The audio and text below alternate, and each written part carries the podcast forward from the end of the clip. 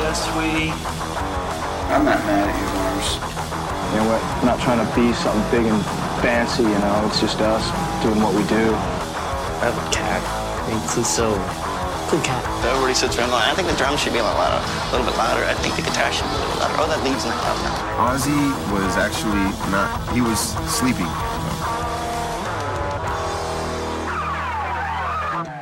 Já, komið þið sæl og blessuð Við erum mætt hérna með ykkur á podcastinu Cthulhu kallar Cthulhu kallar og ég heiti Sigur Haldarsson og með mér er hann Ellert Sigurðarsson Samt ekki sonur hans Nei, mátt samt byrja að kalla mig pappa Ég myndi fíla það Ok pappi En núna er komið af fjórðu stúdíoplötu að þeirra eigin frumsöndu efni Já Platan And Justice for All Akkurat En rosa mikil gítarplata ah, Þetta er svona Gítarsúpu Já, og mikil doppelkiki í trómunum Já og bara eh, sjö- Þetta er svona sjáðu hvað ég get spila hratt Sjáðu hvað ég kann mörg riff Og sjáðu hvað ég get eh, flækt trommupartin óksla mikið Svo hvað ég elska Eddie Van Halen mikið Þetta er svolítið þannig Bara, En- hei, vissir þú að það er bassalíkari í hljómsveitinni? Já, nýr Þó þú heyrðu það ekki Nei, en margir vilja meina að þetta er verst miksa þetta plata Metallica, Hún er það hún er það og Saint Anger hljómar mjög skrítin já, En þú heyrir í öllum hljófrænum já, Þarna, ef við komum kannski inn á það meira Já, aftur já. en, en en platan hún kom út hvað 7. september 88 já, það er nú samt uh, vis, misvísandi upplýsingar var það ekki þú, og ég Þú lasi tókst þetta á 25. annað. ágúst já, en sjálft metallica.com segja 7. september já, Wikipedia Þannig segir það einmitt líka en þú Já. googlaðir það og fækst 25. ágúst eða ekki Já, kom, seg, Google sagði það Google, þeir veit ekki allt Nei, Greinilega. ég veit ekki allt greina sko en þetta var, þeir voru ekki í Danmörk hana nei, en ekki, ekki heldur í New York nei,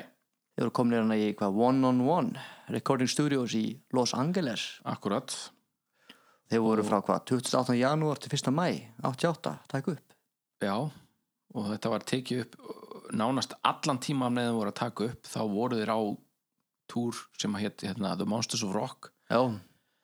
með uh, þar sem Van Halen var, voru headliner, headline eh, hérna, atriðið og ég veit nú svo sem ekki hverju fleiri voru hann en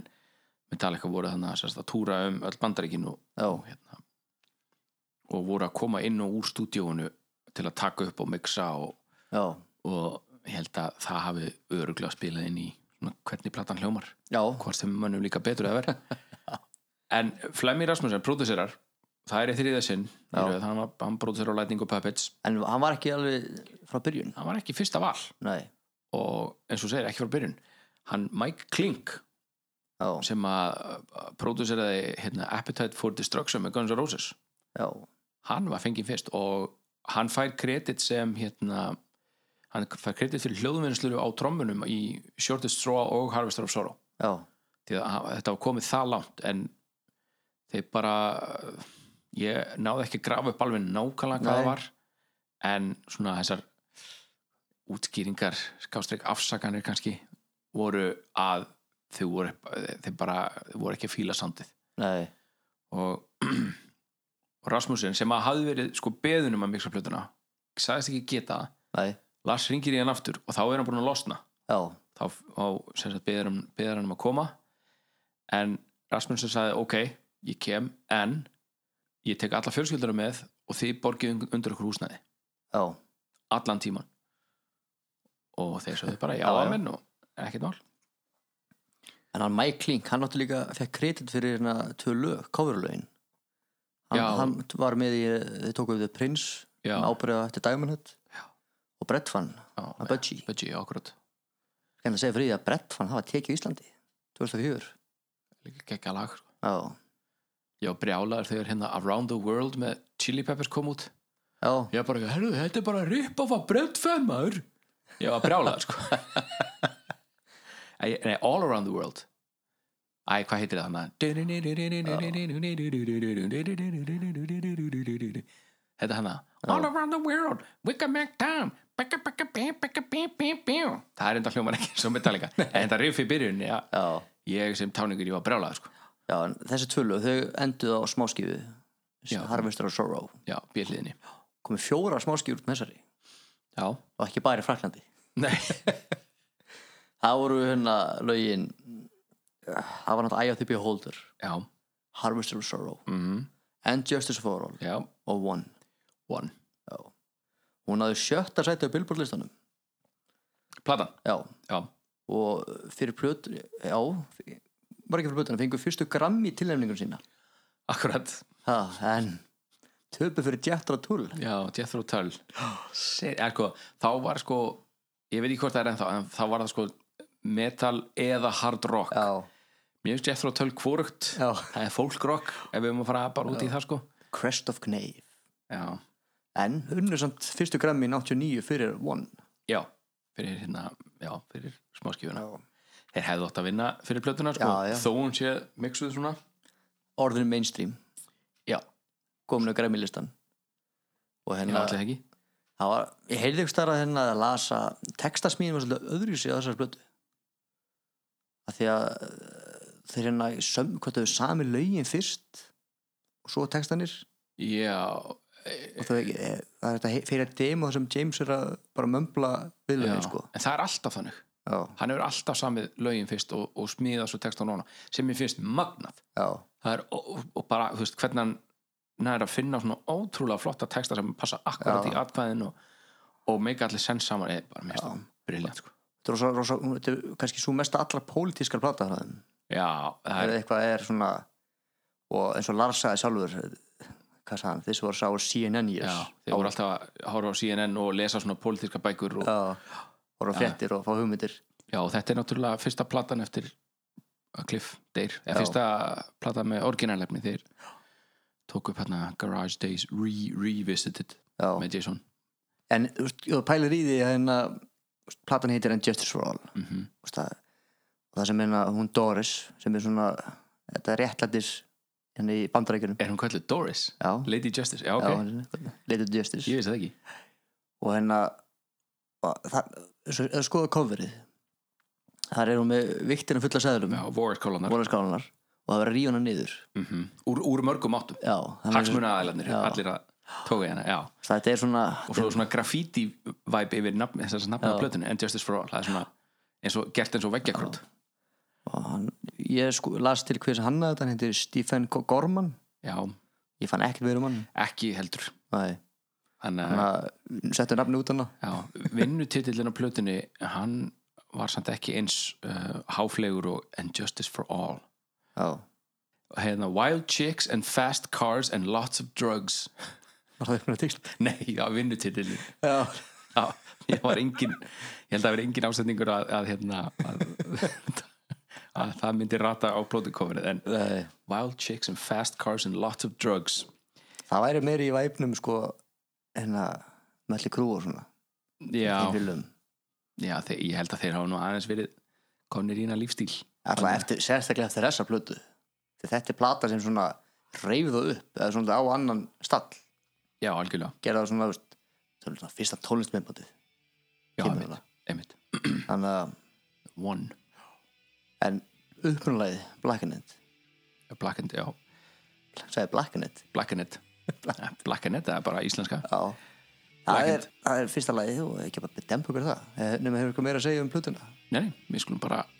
fara beint í Black and uppáslag fjórðu stúdíu og plötunar aftur eru við að byrja svona það er ekki að byrja með einhverju látum nei, þeir hafa ekki gert það eða sko Kill 'em All var feit inn en Já. það voru samt, það byrja samt í engu og, og byrði svo upp og aaa en þarna er ég mitt þetta er svona minnum á- Feitarinn. byrjun á Damage Inc svona, já, Ah. þetta er, kannski er þetta svona pínu svona uh, tribute Já. til Cliff hann náttúrulega tók upp svona reverse dæmi á bassan fyrir Damage Inc og þetta er ég mitt, ég held að þetta sé bara James já, allt saman sko, það það er engin bassis og ef hann er þá held ég að James hafi spilað hann já, og hérna þetta er náttúrulega að spila afturbak það er svona hljómar þetta svona getur þið sagt skringilega E-, þessi, þessi byrjun á svolítið sérstakann staði mjög í hérta sko já, hvað er með það? þetta var náttúrulega opnunlag á tónleikum Íslandi Ah, þegar þeir voru þannig að það kom Ecstasy of Gold og Já. svo þetta já, úff og maður sá alltaf svona, maður var að býða þú veist, það var- wow, ég, sko, ég var ekki hérna og ég er með gæsa á já, maður var svona, maður var svona að býða hvað maður, maður var að maður var að dettin á fermingaldurinn já, og vera bara það Metallica, Metallica, Metallica mm -hmm. veist ekki, þú veist, það var, þú veist, það var eina það var töff í lífinu, skipti máli já, og svo allt hennu kom Black Hand inn og svo líka ljósin og sá maður Já. hann bara, já úff, þannig að og svo byrjaði tónleikarnir sko þannig að þetta lag, þessi byrjundar lag er á svolítið svona special já, ég, veistu það ég bara skilði 100% Já. en þetta eru, það eru þrýr menn sem koma að s- þessu lagi það er Já. James, Lars og Jason Newsted hann á þetta opna riff það Já. eru til svona demo, demo tapes þar sem að þar sem að Jason er að útskýra riffið einhver svona, hérna, einhver smáatrið í riffinu fyrir James já,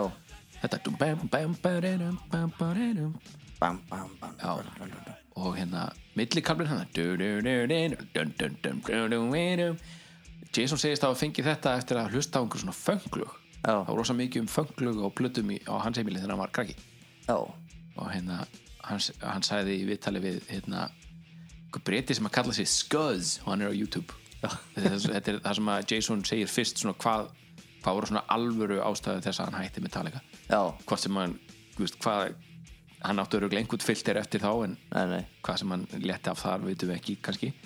en þá, sem sagt, þá tala hann þú, veist, þú heyrir augljóslega að þetta er úr fanginu já, ég mér finnst það ekki augljóst en, en svo Nei. þegar hann segir þetta þá get ég alveg ímyndað mér hver tenging geti verið já, já en J- Jason tala um hvað það, hún, hún leið svo vel við þetta, við það semjöndalag af því að þeir voru að, collab, þeir voru að vinna, vinna saman þessu hann og James sko. já, svo ég las um það að þau voru bara verið íbúðin hans Jasons pingurindir íbúð og voru bara svona að spila saman og Jason hafði spilað þetta og James bara, "Hva- hvað var þetta? og þannig hafði undir þessu upp að þau semjönda lagið sko. þannig var, fast, var Jason að hafa með væri með átrán og góðum sínu já, að semja lögum með honum James Hetfield og Metallica James Akkurat. Hetfield hetfíl, já Já. hann hérna hann náttúrulega kemur úr hljómsveitinni Flotsam and Jetsam Já. sem hann var með he- í þarna þetta hafi verið í Phoenix sem hann hafi búið og þar var Flotsam and Jetsam og þar var hann sko,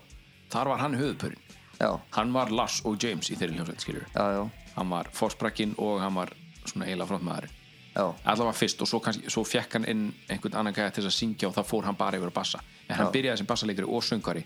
bakkaði svo með að vera söngvari en Já. það kannski þaðan höfum því að þakka að hann sé svona að hann verið svona rosalega góður í bakgrundunum já. live kom inn með svona góða punkt af mörg lög sko. já, og sáleika sko, þeir tölum um hvað ja, þeir voru, hitt hann fyrst og voru að spila með honum Já. svo það Jason var svo mikið að elta James alltaf í, Já. í, í sko já, og James snýri sér burt já, svo hann James myndi ekki Burt sjá hvað hann var að spila já. svo voru bara, shit, þetta er ekki gangu hugsa um þessir, en svo um leiðu og fór að spila með honum live á tónleikum, þá bara, já, hann smelt passar já, hann þannig hann var svo, hann bara hann var, svo- hann var líka performer hann var svo, hann var rosalögur svo, með svo mik miklu orku live já þannig að, ég, ég, ég, ég myndi segja sko svona 50% af allir orkun á sviðinu kom frá honum sko já Lars náttúrulega mikill orkubolti en hann getur ekki hreift sig Nei. skilur, e- ekki, ekki þannig, ekki menna að spila Jason gætt hlaupið og, og hérna, þrassa át um allt sko. já, já minni hann er dott, þú veist ég dott hann ekki live shit eða eitthvað svoleiðis? um, það er til vídjóanum detta á sko, þegar hann er nýkomin inn í bandið Já. þá er hann ennþá puppet-turnum Já, hann er já, að lappa um það- einhvern svona ramp eða svona einhvern stiga að trommunum og hann dettur fram fyrir sig held áfram að spila já, já, ég meina, show must go on sko. þú sem er brotin únlið eða eitthvað ég veit nú ekki hvað gerir þetta samt nei, En þetta, þetta intro Þetta er svona, eh, ég fekk svona svona út af því núna er ég að hlusta á þetta og greina, eða svona, ég er ekki að greina þetta fyrir Já. podcastið, ekki bara hlusta mér til ánægja undirsöka, sko þá svona, ég fann svona vibe eins og statementið væri núna verður spila hraðar og flóknar en nokkuð tíman áður Já. út af ég vissi hvað var á leiðinni og svona, og svo kemur ba- du- du- du- du- du- da- um, ba- og þá- og svo Sko,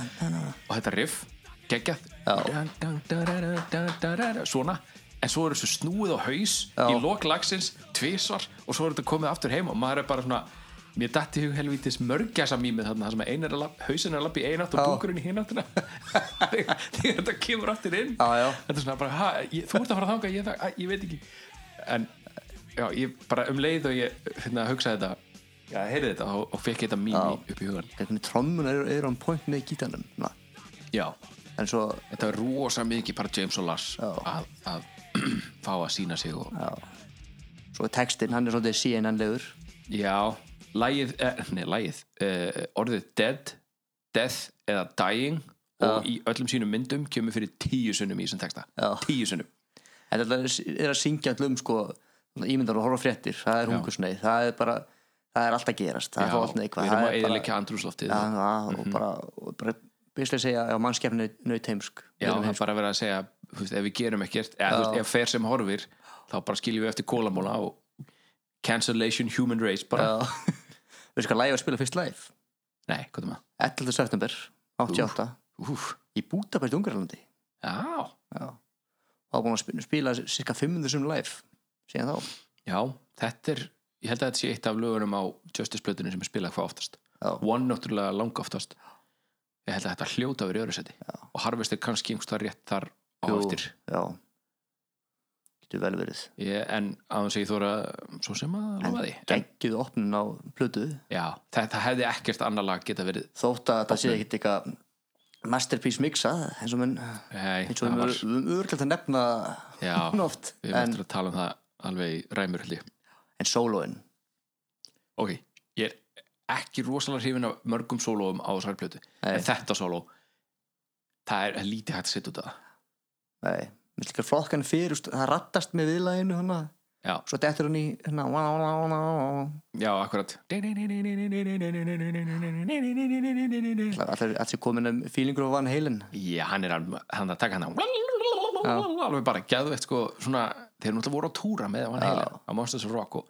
þú veist, þeir voru með þeim á sviði eða sérst taka, eða sérst hita upp fyrir þá á sviði, þannig að Körk hefur hlust á mörg, mörg, mörg sóló með Eddie hlustu Eruption endalust Eruption og svoleiðis Já, akkurat, og hérna það er alls konar eins og hérna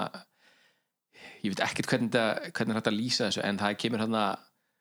svona það sem að spila svona flaututónu á gítarinn og það með whammy barinn sem sagt greina niður í, það kemur svona það er bara svona sem að þetta hljóma svona, svo- svona 80s svona tölvuleikja hljóð já, geðveitt sko, og hann gerir þetta oft á plötunni já, nefnilega. getur rosa oft en við hlustum líka á hérna svona uh, fan-mixed útgáfu af læginu já, við gerum það núna sem sagt, við tókum, tókum smá klippingu við gerum það alltaf, sem sagt, áður en við tölum um læð þá klippum við, t- hlustum á læð og svo tölum við um það til þess að það sé sem ferskast en já, þú spilaðir s- Justice útgáfana eins og hún kom út já, og svo spilum við náttúrulega hérna eitthvað mixa útgáfu af ekki Unjustice for Jason útgáfuna nei, heldur bara við höfum gert þið þrejumir árum og þetta var allt annað hann var búinn að setja- hann var búinn að setja- búinn að setja reverb og smá herbyggi í röddina já, og bassin inn já, og maður leiði sem var hlusta á lagið í fyrsta skipti já, ég las líka að James og Lars hefðu afsakið, þeir hefðu bannað þessa, þetta er kallað svona room mic sem þetta Já. vorst í herbyggi sem að svona er ske- með skemmtilegt svona echo já, endurvarp þá, þá er oft settur svona hljóðnemi til þess að ná því því að það er náttúrulega þe- þeim er náttúrulega sem hljóðið er, þeim er skemmtilega Já. það kemur það út en þeir bönnuðu alltaf, Já. Lars og James þeir bara, bara mækarnir sem eru alveg upp þú veist, bara mækarnir sem eru þú veist, einu sentimetra frá hverja Já. trommu bara það og bara einum sentimetra frá hátaranum á, það var mjög þurrt á hérna gítamagnaranum og svoleiðis, já, þetta, þetta er þetta er allt svo- saman þetta er svo mjög mjölk. mjölkukeks án mjölkar en þessi útgáfa sem sýnir mér, já, allt annað en þurr já, og hérna þetta var, YouTube, var þetta ekki á YouTube YouTube já, bara og topp kommenti var vá, þetta er eins og að heyra þetta í fyrsta skipti Já, já. og ég bara geti ekki verið meira nei, saman nei. en svo, svo eitt annað sem ástæðan hverju rætt hefur alltaf verið mín svona uppbálsplata já, það er hvernig hún er mixa hljóðin svona, það er sett hún sem auka þessi svona, eh, svona, svona þetta er svona, það er bara svona blöytt hljóði bara svona juicy, já, juicy hljóð og svo er smá svona effektum í röddin svona, Justice er bara eins og keks já þurft mjölkukeks já, en, það er, uh, þetta er, þú veist já, geggja, geggjuð opnun á plötunni en ég held, við þurfum að skella okkur núna í langt lag já, mjög langt samt ekki lengsta leið, nei, þetta er hvað 9.47 eða já ekki, stýttur um sekundu já, já sikkert eða tvær en það er títilag blutunar já, And þarna- Justice for All And Justice for All Já. Herðu, kallið minn, yes sir, hann danski vinnur okkar ekki Lars, heldur Flemming Rasmussen yeah hann sé uh, það var svolítið erut að Sjú. það var svo, að vinna þetta lag hafi verið svolítið svona smá, smá vesen upp á að gera hérna það var svo, svo mikið í gangi Já, þess að hann sagði, hann fannst þér að það var fjögur lög í einu lagi sem Já. var hans orð bara Og- fjögur já. ok, og kynum alltaf jafn mikið á óvart þannig hefur lagið já, hversu umfangsmikið það er já þetta er enda líka 9 mínútur 47 sekundur já. og mikið er riffum já, rosalega mikið er FM ég hérna ég heyrði viðtalið við Lars að hérna hann þetta lag hafi sprottið upp og bara svona jam session hjá honum og James Já. hvort að fleiri voru þær ég veit það ekki en hann og James náttúrulega voru að tjáma og hann spilar þetta beat Du- du- du- du- du- du- ga, du- du- du- du- du- ga, du- du- ga. down, down, down, down, down ba, ba, ba, Akkurat, ba, ba, ba. akkurat. þar þaðan kemur James með þetta riff líka á þannig að þeir sem að efast um að Lars hafi nokkuð tíman eitthvað að gera með, með hérna, lagasmíðar já, að þarna, þarna allavega afsannast það já það var líka svo þessu, þessu lagi að þakka held ég að þeir fóru meir út í svona grúf svona aðeins hægara og minn stýttirlög já, Þegar Körk tala með viðtalið að hérna þegar þú var að spila þetta lag live að- þegar þú- það var að horfa á fólki gispa þú veist, þegar þú er búin að líða lagið já, Þú veist, svo segðu bara never playing that fucking song again já var það þetta lag? ég, ég heyrði þetta um hérna, hérna Frey Dance já, bara, bara þessu l- lög af þessari blötu já, ok, hvort það verið freyts end en hann mann eftir að sé fólk að gispa þegar, að- þegar líður lögin sko. já, það er bara já, það getur vel verið kannski, kannski er ég, var ég að miskilja hérna Já, en nýju viðtalið mínútur já, það er tæpar tíu þetta er bara sko. Já. 13 sekundum ef ég var sjálfur heyrðalega tólf verið bara já, já, allir tíma en maður sé að það á þeim tíma við erum með svolítið svona Stockholm syndrom já, hvað hva Metallica var það, við Já. fyrirgjöfum örgulega meira en flestir Já Og þetta var hann að spila fyrstskipti live 11. september 88 í Já. Budapest umhverjalandi Þannig að 88, allir bankvinnur okkar að við já, shout out á bank Já En Halls of Justice Painted Green Money Talking Já Það er, það er morgun ljóst um hvað er verið að fjalla í þessu lægi og intakið er bara réttarkerfið þarna í bandaríkjunum og hvaða er rotið að innan að þeirra mati við, skulum, við, við svo sem kannski tjáum okkur ekki mikið um það en þetta titilir á læginu eh, hann, það kom út mynd árið 1979 með sama nafni með Al Pacino í aðalhauturki Al Pacino Hann fjallar um uh, lögfræðing sem átt að segja á því að réttakerfið í bandaríkjunum er stútfullt af spillingu og svona frændsemi Já, oh, Joseph Raven You're out of order Nei, það, það var Tom Cruise En Jack, Jack Nicholson Jack Nicholson Few Good Men Já, Já, allavega, smá útútúr við erum, að, við erum að vinna í því að vera ekki með eins marga útútúra þegar þið verið að fyrirgefa okkur en útudan eru skemmtilegir Já, Geta verið það það kom nefnilega eitt áteik hérna sem að við hendum alveg pottit inn á samfélagsmiðla Já. sem var alveg stór skemmtilegt hérna, En Já, þið tjekkja á því En já, svo hérna Indróðalæginu Rosalega saklust Rosalega mikið eins og batteri Já, Og það sem að Riffið er bara að spila Aftur nefn bara þú, það er búið að byggja upp rættir ofan á það Og svo eru trommur og bassi komin En það er bassi sem var endur heyrist ekki Valla uh, Og hérna, já, að vera að spila riffið aftur Og þetta er ógeðslega, bara ógeðslega töff intro Mögulega hefði þetta geta byrjað plötuna já, en fyrsta blakkend er eins og blakkend er þá sé ég einhvern veginn ekki nei þeir, þeir neldu þeirra byrjun alveg 100% ætli þessi byrjun, hún byrjar svona, svona falleg þetta er svona falleg byrjun -hmm. eins og ætli þessi kannski hug, hugmyndi með réttakjörfið að það eigi að vera svona þetta, Já. í myndin þess að vera Ég þetta get er alveg andri trúið. staðar sko. Svo, á pappir þá Já. er réttakerfið rosa fallett og Já. einfalt og en menn, straight menn ahead. misnanda þetta í döðlur já, já, það er svo sem ekki einstam í löffræðingar bandaríkjunum og svona, þetta er allstaðar já, allt það er eins þú, en lögin segi þetta, nei, þú, þú voru að túlka þú voru að túlka þetta vittlust bara, þú voru Mhm. að túlka þetta vittlust já, nákvæmlega það er þetta, já, snútur þetta er, þetta er sem er tákmálsréttir þú voru að ráða röffræðing til þess að túlka lög já það er, það er þannig, Það er- lögfræðingur lögfræðingar eru oftar en ekki látnir reyna, að lát- reyna að snúa út úr því sem Já. að fólk heldur á lögin síðum Já. þannig að þú getur ekkert oftar en ekki, að- í einhverjum tilfellum Það er nú ekki að og hérna er ekki hérna Pledge Allegiance Pledge of Allegiance Já. hann endar á And Justice with, for with Liberty and Justice for All Já. Þetta er náttúrulega tekið þaðan Já. bæði eh, myndin og svo, og svo þetta lag Svo er hérna uh, í, í, í hérna, ekki intrónu heldur í, í miðjukablanum Já. allt í hún bara stoppar lagið bara bam, bam, bam bam, bam, bam, bam, bam, bam, bam Mér finnst þetta svo flott bara Já. einn, einn, tveir, einn, tveir, þrýr einn, tveir, þrýr, fjór og ég, þegar ég heyrði þetta finnst ég bara gá ha, ha, í, oi, heyrðu, oi, hvað er það að fara að gera og þá var bara allt í hennu komið inn í eitthvað eh, allt annað tempo, Já. allt annað hrað á læginu og þá kemur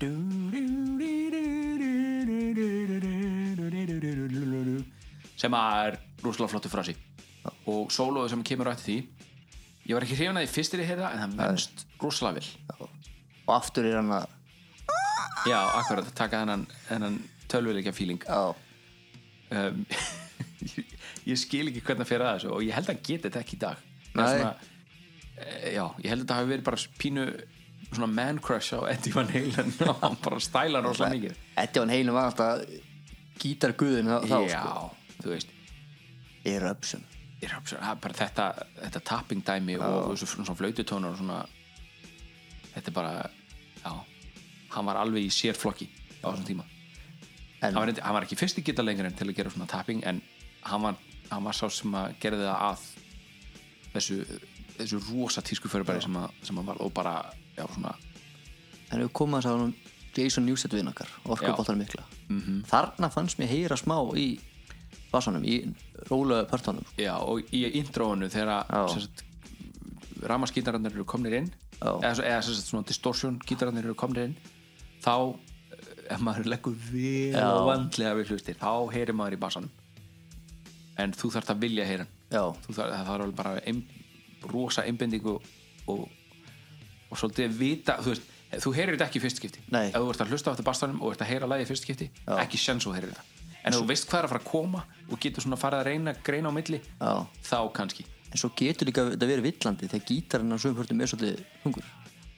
já, djúkur Já. þannig að hann ge- hann gæti, gæti verið að plata mann já það eru allskins afsakanir sem hafa komið frá James og Lars varðandi í þess að bassalisið á plötunni eða, eða hvað heyrist lítið í honum það er náttúrulega bassi í öllum lögunum já, já, en það bara heyrist lítið það er ekki James sagði í einu tilfelli að uh, tíðnirnar hjá Jason hann ætla að spila með nögl og þessi rök halda einhverju vatni ekki kannski miklu þeir halda einhverju vatni tíðnin sem hann var að koma úr hjá Jason út af að spila með nögl hún, uh, hún fór svolítið mikið inn á tíðnisviðið þar sem að Jason var vanur að vera nei, James fyrirgeði já, og þess vegna fannst og náttúrulega metallög eru sniðin oftar en ekki í kringum gítarriff, ramasgítarriff og James fannst, það- fannst hann yfirknefa hérna gítarana svolítið mikið já, en eftir þú síndi mér blakkend þarna með, með nýja mixinu og rýfubunni þá þá finnst mér það ekki að halda vatni nei, nei, nei, þessi nei, rögg nei, sko nei, nei, gera það ekki en svo tölum um þetta væri eitthvað svona heysing eða svo eitthvað svona stekkjun já, að láta svona Já. en svo hlustar maður Bretton og The Prince já, þessi Það er bara- tökulög sem þeir Já, tóku það- upp með einmitt, já, Mike Kling það er bara bassin að njóta sín Já, þeir gerðu það bara til þess að venja stúdíónu Já. hvernig venja svona soundinu, hvernig svona væpi í stúdíónu Já, þar heyrist fínt í bassan ef, ef, þar hefur átt að kannski að taka hann í gegn og svona stekkja hann með að gera þetta Já, en þetta var bara ekkoið held ég já þeir voru, þú veist, það voru allskil svona ógeðslega barnalegir rekki sem þeir tóku á hann en svo, ef þeir voru, það var eitthvað partí eftir, eftir tónleika þá hérna og var kannski einhver, einhver stelpa eða eitthvað að spyrja um Jason og sögðu þeir yfirleitt alltaf, já, hann, þú veist, hann er samkynniður sko, Já. ekki sens það voru alltaf, alltaf bara svona að eðilegja fyrir honum já, já, og hérna svo náttúrulega Wasabi eh, atvikið fræga þá voru þeir fóru að túra í Japan já, og Jason hafa aldrei fengið sér sushi áður Nei. og þeir segja við hann herrðu Jason þetta, hana, þetta græna hana þetta er svona, þetta er svona myndu hérna rjómaís já, svona eftirrýttur, tjekka það, þetta er óslega gott og hann setur upp í sig bara svona gommu á Wasabi og náttúrulega kviknar ekki að það það er saklust já. en, en s- þetta var bara svo mikið sérstaklega á þessum árum held ég. Já, og al, það er eiginlega alveg sama hvað James og Lars segja já, undir meðvutundin hjá þeim, að minnstakosti undir meðvutundin ef þetta var ekki fullkomlega meðvutað þá heyrðu þeir að lækki í honum út af að hann er ekki kliff já, það er bara hæparallega já, það er þannig Já. en við skulum halda áfram næsta lag er uh, það er annar lag í röð þar sem að titillin á laginu kemur ekki fram í textanum en Justice for All kemur ekkert fram í textanum af Justice for All Nei, og bara Lady Justice has been raped akkurat, Truth Assassin akkurat og þetta er líka Hetfield Ulrik Hammett eins og hérna And Justice for All og þetta lag heitir The Eye of the Beholder Já Jæja, Næst, já, næstista lagið á blöðunni já, 6 mínútur og 25 sekundur aðra 6 mínútur 25 sekundur þetta er næstu tvöfall lengra en stista lagið þeirra ever Já, Það ekki, Motorbref það þrjár og átjón eða eitthvað það er átján Nei, þrjá- á, þrjár og það er átján. þrjár og eitthvað Já, það var svolítið stýttirlög og Já, kilumálum guð minn eini sko Ég held að sé ekkert lag sem ég aflangt og, og styrstu lögin á Justice Nei. þetta, er, En, þetta er hérna Þetta er feitinn aftur eins og Black End Við erum búin með feitinn, ballöðu byrjun og svo feitinn aftur já, Þannig að byrja dugu, dugu, dugu, dugu, dugu, dugu, dugu, dugu, dugu, dugu, dugu. Svo Flott Lars var ekkert sérlega hrifin þessu lagi Nei, hann fannst þetta að vera svona tvö lög sem voru Já, svona, svo við tölum eins og, eins og menn í þinni aðtöðungarinn sem voru svona svoðin saman en áttu ekkert að vera svoðin saman nei, en ég hef alltaf heyrt þetta svona og þar að leiðandi meikar þetta sens fyrir mér en ég skil hvað hann meinar já Já, hann er hérna ekki hrifin þessu The beauty is in the eye of the beholder en textin fjallar ekki um Nei, þennan fegurð texti fjallar bara um frelsið Já. Do you see what I see or do you hear what I hear þetta þetta er minnum á jólalag sem að byrjar á saman þegar Do you see what I see og svo hann hann er líka með hear og, en Hetfield er ekki að uh, Syngi jólin Nei Alltaf hefur einhvern tímann sungið um eitthvað sem tengist jólunum Nei, ég sé ekki fyrir mér að vera eitthvað Christmas medal Takk þátt í því Kemur ekki á óvart þó ef að Hetfield einhvers staðar sérstaklega eftir að hann flutti til Colorado Já. að hann hafi einhvern tímann leik, verið bara í ljóðsverðabúning í, á- í lokalmálunum bara Já. og segja ho ho ho yeah, yeah. Little boy you're going to hell Nei, uh, það getur verið Við- við kannski fáum við tal við hann þegar podcast okkar verður stórt Já, tell me James, did you play a Santa in Colorado? Yeah, I mean, no Yes, Hetfield Herðu, lægið Já, þetta er 11. september 88 Spila fyrst Budapest, Ungarlandi Já, Eins og- Budapest bara fá Justice Plötan og Silvufatti Já, það er svo þeir bara fengið þetta flest allt fyrst Hver þremillin En hérna, það er aftur fjallað um Bandaríkin Já, er, og þau eru raun ekki eins frjáls og, og hérna þau halda nei, og sem sagt, þú mátt gera það sem þú vilt eftir þínu nefi já, svo lengi sem þú gerir það eins og ég segi þér að gera það Já. Það er svona, you can do it your own way if it's done just how I say Já, já. Þannig enda, enda hérna viðlaun þetta er, já Ég fekk svona puppet fílningin Já, út af textasmiðinu sko. Það er þetta, þessi drottnun já, drotnarinn Já, þetta er samt svona svolítið passív drottnun sko. Já, Þú veist, e ef þú ert bara innan rammans Já. þá er það að láta um vera já, já, en um leið og þú tekur eitt skref út fyrir hann þá er bara svona, nei, nei, nei, þú ert að miskila Já. þú átt ekki að stíga þarna nei, og þér finnst þú ek- eiga ekki að stíga þarna nei Þú Ma- veist það. maður bara já, en, Ha, já, ok en í raun og veru máttur stíga þarna Já, að því að þú hefur frelsið til þess já, en nákvæmlega, hini vil ég ekki að þú hefur frelsið til þess einmitt þess vegna hafa bandrækjumenn the second amendment skilur við Já Hvað? Er það ekki byssu? Jú. Já, skalt ekki, skalt ekki banna mér neitt ég með bara skjóta þig og þarna að banna mér þetta þá mátt nú ekki skjóta ef einhver bann reynir að banna þér það ha, jú, Nei, jú, jú, er jú það? nei, ég veit ekkert um Nei, það ég, ég, ég þóri ekki að káða ég svona er, nú ég er djúpt bara ofan í glíð mig, sko sko. En já, þetta er svona döð, döðin og, og tálsýnin um, um hérna frálsræði og svona frelsið er indislegt Já, bara ég, ég er alveg prófrelsismöður sko já, ég líka og, En og, þú veist, ef, ef það væri svona sipa fyrir bara í Íslandi svo second amendment ég var all in, ég var allur í því sko myndur bara að mæti hakka upp með haklaran á bakinu Nei, nei, nei, nei, bara þetta syns ekki, syns ekki um það syns bara um að hverju á ríkja skipta sæði hvað ég má eiga og- má eiga og ekki eiga Já, meinar Já, Já, já, akkur þarf ég að fara- þarf ég að fara í 80 verðsökum á vín góð spurning Já Finnst þér komin hennar punkt alert Af hverju? Nei, nei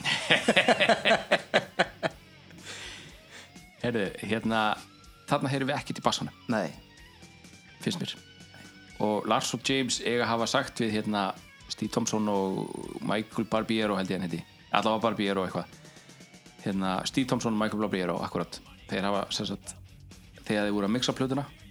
þá áttu þær samræður sér stað að sem sagt þeir voru að hlusta og einhverjara annarkvort Lars eða James sagði herru, lækkaði bassanum þangt úr rétt svo heyrir í honum og lækkaði hann svo um 3 decibelið út og sko ég er búin að lesa þetta á alveg ótal stöðum Já og ég heyrði þetta í hljóðbók sem ég er búin að vera að hlusta á núna nýverið sem heitir hérna, Birth School Metallica Death ég mæli, mæli híklust með Já. henni geggjuð og þetta er svona, þetta er svona seria sérst, Birth School Metallica Death og svo næsta sem heitir Into the Black og sérst, fyrir bókin fjallar um bara stopnun Metallica og bara þá sem krakka og alveg fram að eh, hérna, fram að hlustunapartíinu fræga fyrir hérna, svörtuplötuna í New York Já. Madison Square Garden Það var bara, hún endar þar bara í hlustunapartíinu Já. og svo Into the Black pikkar upp þar og tekur sér Black Album túrin og alveg fram að 2013 sem er Já. þegar bókin kemur út Mæli híklust með þessari bók sko. Já. alveg geggju Maður skoðar þessa bók En eh, ég ætla bara Byrðist afsökun alert Nú. Ég var svolítið pólitískur hana ha, En ég, ég, ég, gef, ég bara leifa það að Því að þessi plata var svolítið pólitísk Já, Ég fó, bara- ég fó bara aðeins inn á, inn á pólitíska vettvangin já Aðeins að dífa tónni í það Svo mm strax tilbaka Það er alltaf leið. Ég held að þú var ekki sagt neitt eitthvað Nei, nei. svakalega, Nei, nei, hverjum við hérna, svakalega hérna, móðgandi við neitt, sko. Ég- ekki það, ég- ekki það. ef- ef- ef- Ég er fara samt á þangað. þeirri skoðun, ef þú móðgast, það kemur ekkert við. Nei, En, uh, já, ég er ekki mannre- ég er ekki mannreindingafræðingur sko nei, Mannréttingafræðingur mannréttingar, er það ekki kýrópraktur? Mannréttingar. Já, Já, en ég held að þessi plata sé svona pólitísk bara út að þeir voru svo úst, sárir og reyður og voru að horfa á sko fréttir á, á, á stöðum sem eru ekki beint að mata, mata sannleikon þeir hafa kannski séð í gegnu það og hafa Ég- orðnir, orðnir hafa orðið pyrraðir Já, þér til hvað fréttur ef þú hórt á CBS á þeim tíma þá var kannski verið, en þegar CNN að þau köllu á CNN years já, CNN í, da, í dag er kannski svona eitthvað svolítið svona já, en einhverju vilja meina að það sé Já. vinstri sjónvarp en þarna var CNN að reyna að vera svona fresh and hip svona vice news feelingur í þeim þess Já, að þeir ok. voru fyrstir en í persólustriðinu að vera á sveðinu bara í Bagdad já, með ok, beinu útsendingar ég vissi það ekki en magnað, á, þurfum við ekki bara að fara að skella okkur í næsta stríð næsta stríð það er nefnilega, þetta lag feitar út Já, og bara strax er byrjað að feita inn sem, Já. eð, allavega eð, eins og þú hlustar á, á það á Spotify og, Já. og hérna á vínil Já. þá er næsta lag byrjað að feita inn og við vitum flest hvernig það byrjar já það læði Uno Uno sí. Eins en, Þetta er lagið One One. Já, franskan um. Þetta er langfrægasta lagið á blöðunni Já, við erum bara frægasta lagið þeirra Eitt af þeim Eitt af þeim, já Já, um, Nei, sko frægasta lagið er Sandan Já, já, já, þetta er frægasta en hvað segja, fyrir alvöru Metallica aðtandur, þá held ég þetta er því á topp 5 sko Já, já, en nema, nema að sé einhver bara eitthvað, nei, ég er bara, ég hlusta bara á Phantom Lord og Trapped Under Ice og na, svona já, Já. allt til að ef þið finnst það í alvörunni en Já, ef þú já. vilt bara segja þetta eftir þess að fá aðtegli get the fuck out of my Nei, podcast já. nei, djúk, En sko, byrjunin á laginu Fyrir svona stríð og átökja já Það, það fyrir drosa eitt, eitt smáatir í taugunum verð hana er það Hetfield að öskra, Nei, hvað þá? það er þurrgljóðið ok, Því að hérna, þetta á að tengt bókinni Johnny Gary's Gun Eftir Daft já, Punk. þetta á að gerast Þetta í fyrri ger- heimsstyrjöldinni. Fyrir heimstyrjöldinni þá er eitthvað þyrlu þá Nei, þurrgljóðan kom í kóruvistriðinu og við hérna já, Og þetta er svona Ég veit ekki, þetta er kannski kallar til þetta hérna En hann, hann, náttúr- hann náttúrulega bara semi um sko, hann fær náttúrulega bara innblástur úr Já. bókinu hann er ekki að segja þetta lag er Johnny Nei, Garris nei, nei, innbræstum bókinni En Já,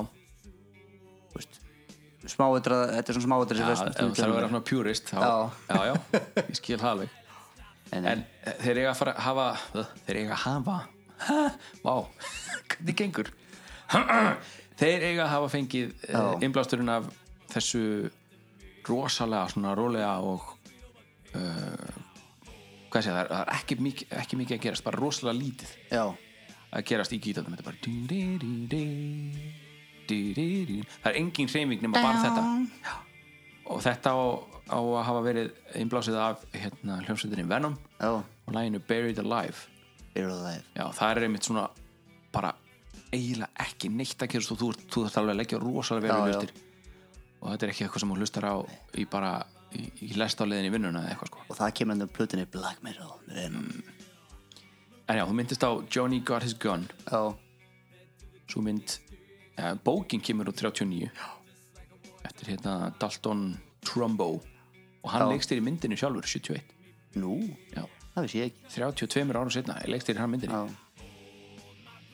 þetta er alltaf svona skemmtilega pæling sko já, Mér finnst líka gaman að hvernig það- nafnið One kemur frá já, uh, nefnir sko hérna að því að þetta ger- fréttum fjallar með Hermann sem búin að missa allt hann lendir sprengjörpu, andlit hans fyrir Nei, hendunum, er þetta ekki, Lenma, er þetta ekki hérna jarðsprengja? eða veist bara í Johnny Garris Gunn Já. þá en það veist andlitið fyrir Já, ok, hendunar uh, Já, Hetfield fætur- segir fæturnir, Landmine, já, ok. og skilja bara allt farið Já, missir fætina, Já. hendunar, missir sjónina já, missir málið, missir heyrnina já og við talum um þessum að fara í stríð það er einn- einn og móti þessum að ég lendi í ykkur Já. one in a million Já, Veist það one in a million vin- vinnir lottónu mm -hmm. og veist það, but a million to one always leaves to one akkurat I'd never expect to happen to me Já, hvort sem er að vinna í lottóinu eða að lenda í því að bókstala missa allt, þú ert lifandi en þú ert bara, þú ert ekkert nema bara svona heilki Æ, maður hugsa alltaf, veist, ég mun lifa af veist, gæðin hliðunum hann mun deyja það er alltaf þessi pæling Já, það kemur ekki fyrir mig Nei, það gerir ekki Það gerir ekkert fyrir mig Það gerir ekkert fyrir mig Nei En Svo er svolítið mest Svo er þetta svona creepy feelingur í þessu lagi Já, Því að Hann, hann einu sem hann Hann vaknar úr dái Einu sem hann hefur eru hugsanir sínar Hann getur ekki tjá sig heyrir ekki neitt Og- getur ekki seg- sagt neitt Nei, Og hann er alltaf að kippast til svona Já, og þeir halda hann sé að fá flóakasti eða eitthvað svona, eða, já, eitthvað, einhvern veginn- einhvern veginn kast en svo, Já svo hérna kemur í ljós að hérna einhver Þeir fá, hers, Fattar. þeir fá hersöðingina inn til þess að skoða hann já, Hann viti ekki hvað er gangi heldur og það er svo óbreytur hermaður með honum sem að kann morskóða hann segir mors, já og hann segir, hann er, þetta er ekki random hann er, hann er að stafa E K-I-L-L-M-E Já, kill me E, kill me, En aftur og aftur og aftur aftur og aftur og aftur Þannig að þú veist, hann getur ekki Hann getur ekki runga sig Hann getur ekki gert neitt það var það fyrsta sem þetta í hug já, Á- ok, á- fyrst erum farið þannig hvað kom fyrir delanánum ef hann misti hæ, hennar, hendur og fætur hann er þetta lagar en þá kannski já, kannski er það kannski er það stiðsti punktur hans en springjóarpa hún tekur margt frá manni en Já. finnst mér skrítið sko hann tala um landmine í hérna í Já. hérna textanu sko sprengjuvarpaði það ekki bazooka eða Nei, það er svona eins og hún skýtur upp í loftið lendur, já, ok, katapult það er svona eins og ennskórið mortar já, ok, þannig að það, það tekur meira þú veist já, Jarsmengin tek, tekur lappina að þess kannski sko Já. hann fyrir típin á henni mitt gott sé hérna fulla hérna legukúlu með ekki ok, það kemur En ljós. já, svona þessi mortar sprengjuvarpa Já. hún er skæðari, geti ég trúið Já, en svo er til ógíslar ef ég, ég tengja fyrir stríði en svo Já. komin er jarðspengjita sem skjóttist við spengjand andlutan að þér Það, já, úf Og ég bara, já þetta er til margt ljót Já. ljót verkvari það er nefnilega ég við það að vinna þessa þætti þá er ég búin að svona aukvönda það að það er ekki, þetta er ekki bara músík Nei. þeir, eru- þeir eru að tengja sko, þeir, þeir eru að segja með músíkinni um hvað lagið fjallar Já. ekki bara með textanum nei, eins og þessi millikafli sem að er bara já, mögulega eitt svo fræðist kannski þetta og Creeping Death millikablin já, Þú veist, digga, digga, digga, digga, digga, digga, digga. þetta er náttúrulega bara hrinskotavissur eða svona vélbissur já og já, svona landmine, let's take mine já, akkurat, jarðspengjum og taka allt frá hann sko. akkurat. það er kannski, hann hefur kannski, hann hefur kannski sko, stíð á eina, hún sprungið og hann hefur lent með, með búkin á annari eða eitthvað já, það, það er með margt hendina, hendurnar eða eitthvað, ég veit það ekki kemur í ljós eða, þú segir ekki, mortar let's take mine já, það, það er ekki eins, það er ekki eins kraftmikið orð Nei Landmæn, já Af Því að jarðsprengjur eru miklu meira svona Það eru vígfrægir ennþá í dag af Því að það var margar svo- lagðar svo mikið í stríðum Já. Það er ennþá að hrjá okkur það, já, það er ennþá verið að Upp öll grafa og þær upp og Fólk að missa fætur og það var mitt Það er ekki beint Það drepa ekki beint Það er, það er, það er miklu meira salfræðilegir heldur en það er, ger, það er bara að gera til að stoppa Já. ekki, eða sem sagt til að stoppa viðkomandi ekki til þess Já. að drepa Þetta er eins og hérna 5.45 Sovjerska kúlan sko Hún er, Mhm. þetta er salfræðilegasta sem kom, 70 sem kom miðjum kaldastriðsins ok, Sovjetmenn voru nú lengi búin að nota 7.39 í Kalasnikóin sem hérna, er það að tala um diameter á byssugólunum, já ok, svo þegar að 74 út- útgáfan af byssunni kemur út ok þá, þá eh, kemur minni kúla 5.45 líkar en NATO kúlunni og hún, hún er svona hún er holv, hún er svona holv að hóla innan, já, Já. ok þannig að hún, hún sko, hún, þú skýst yfir þá eða, og þú er aðra sem það leita í beinin, það er svona flakk um líkamæðin það fari ekki, Ha. hún fer ekki beint út wow. þetta er rosa sálfræðileg þú, þú sér gæja félagin við skotin eða skúlu, kúlu þetta er á, á, mjög sálfræðilegt já, ok, þjáningarnar eru slíkar að já, já, ok, þannig að wow þetta er svo margt í þessu hernaði sem er að sálfræði parturinn er svo stór þannig að þetta er ekki bara notist að drepa sko Vá. saman sem við fengum 56 natakúlunar það er þess að sanna sem ég nam það átti ekki mikið í þessu sovjösku kúlu sem Norður ég nam var nota sko ok wow, en það er magnað já ljót, ljót, ljót já, þetta er ljótur heimur Já, en það var þessi plata komin að það en þetta hérna þessi, þessi hríðskotabissu hérna þetta eh, effekt sem að þeir spila digga, digga, digga, digga, digga, digga, digga, digga. það hérna eh, Lars tók þetta í einni töku Já. segir Flemming Rasmussen Já, Lars sagði það ekki sjálfur, eh, hann kannski sagði það en ég las viðtal við Flemming Rasmussen að hann- Fleming Flemming? Já. Herra Rasmussen Já. að hann- að Lars hafi tekið þetta í einni töku En taka örgla en ég- ég veit ekki hvort ég trúi því Hver veit, hann fekk náttúrulega að var búin að vera í, í trommukenslu já, hann var búinn að vera hjá Jeff Campitelli fyrir þessa plötu Þessi plata er rosalega vil trommuð já, Vistu, minnst bara munurinn á Hún sé bara frá kilumál upp í Rætalæting Master já, Svo hann, hvað er alltaf miklu með svona Hún er svona tækni mér, ég, ég veit ekki mikið trommuð Það er bara mér finnst já nei, það, ég er alveg sammála því hann, hann fer úr því að vera svona einhvern veginn út um allt og bara, að, þú veist, að við, þetta er bara við erum bara að djamma, þetta er í, í svona ok, þetta er nákvæmlega svona, ég ætla að gera þetta nákvæmlega rétt svona svipað eins og James hérna, var með gítarana og hérna, þegar James einmitt var að taka upp bara fyrstu tökur á Killamall, bara fyrsta taka fyrsta lægi eða hvað það var þá fer hann svona inn í hérna, upptökuherbyggið og þeir, þeir spila upptökuna og gæinn sem var að taka upp lægið ég man ekki, man ekki alveg hver, hver var á tökunum akkur þá, Já. en hann segir that's not very tight, is it? og Hetfield fekk bara orðið tight, hvað, hvað rithmagítar var það á heilan, Já, hann bara tight, þetta verður að vera tight, alltaf að vera tight alltaf, tight, tight, tight já. og þess vegna, náttúrulega varð hann bara eitt besti rithmagítarleikari metalsins ever, sko. já, já. En, en svo, svo sólóið það var, all, það var það allra síðasta sem fór hann á plötuna já, hann var búinn að taka upp margar útgára þessu sólu aldrei ánæður, hann Kirk Hammett og svo flýgur hann inn þeir hérna voru nýbúnir með eh, Monsters of Rock gig í Philadelphia þá flýgur hann til New York og uh, tekur upp og loksins tekur hann upp sólu sem hann var ánæður með þarna heyrir maður rosalega mikil áhrif frá Eddie Van Já. Halen sko. en er, en er hann búinn að vera með honum lengst þarna það það var ennþá með, það var ennþá með svítalíktina Van Halen náðu sér alveg örugglega, sko. og svo fóru þeir sko og spiluðu eitthvað gig hérna sp- spiluðu þess að næsta gig á Monsters turnum strax eftir þetta, bara Já. daginn eftir eða eitthvað og þeir hefðu allir sofið svona cirka tvo tíma, þrjá tíma spiluðu ömulegt gig Já. og Kirk sagði, en við, en við náðum góðu sóló þannig að það var alveg þess fyrir já, já. en fyrsta tónlistumimbandu þeirra Já. R1, það er one það var hérna Bill Pope og Michael Solomon sem leikstur því já, og ég veit ekkert meira hvað þau gerðu en, nei, þeir fóru í fræðari leikstur að Já. setna mér og það er mikið að klippum úr myndinni hérna Johnny Got His Gun já, setti, notaði það er læginu til nokkra útgáfur það er til sko Já. fullt, full lengt af læginu og svo er MTV útgáfan sem var eitthvað fjórar mínútur og eitthvað en hérna James talaði um með talaði tölum að þeir vildi gera þetta á sínum fórsöndum Já. að hérna að þeir hötuðu MTV af því að Já. þeir höfðu bara þang, þangt til að 87 höfðu bara MTV hunsað metalin mm -hmm. en svo voru komið hvað djúvelin hétt hérna þátturinn oh, ah, ég manna ekki Headbangers Ball Hel, já, Headbangers Ball þá var það komið inn og MTV var að byrja svona að taka við tónlistinni Já. og, og hérna þá, þá tókuðu tónlist með vand og það komið James talar um að einn átandi komið hann og rekt fram hann í hann út af því þeir tóku tónlistum Já, svo, þau, þau lofuðu myndi aldrei gera það Æ, litla greið Já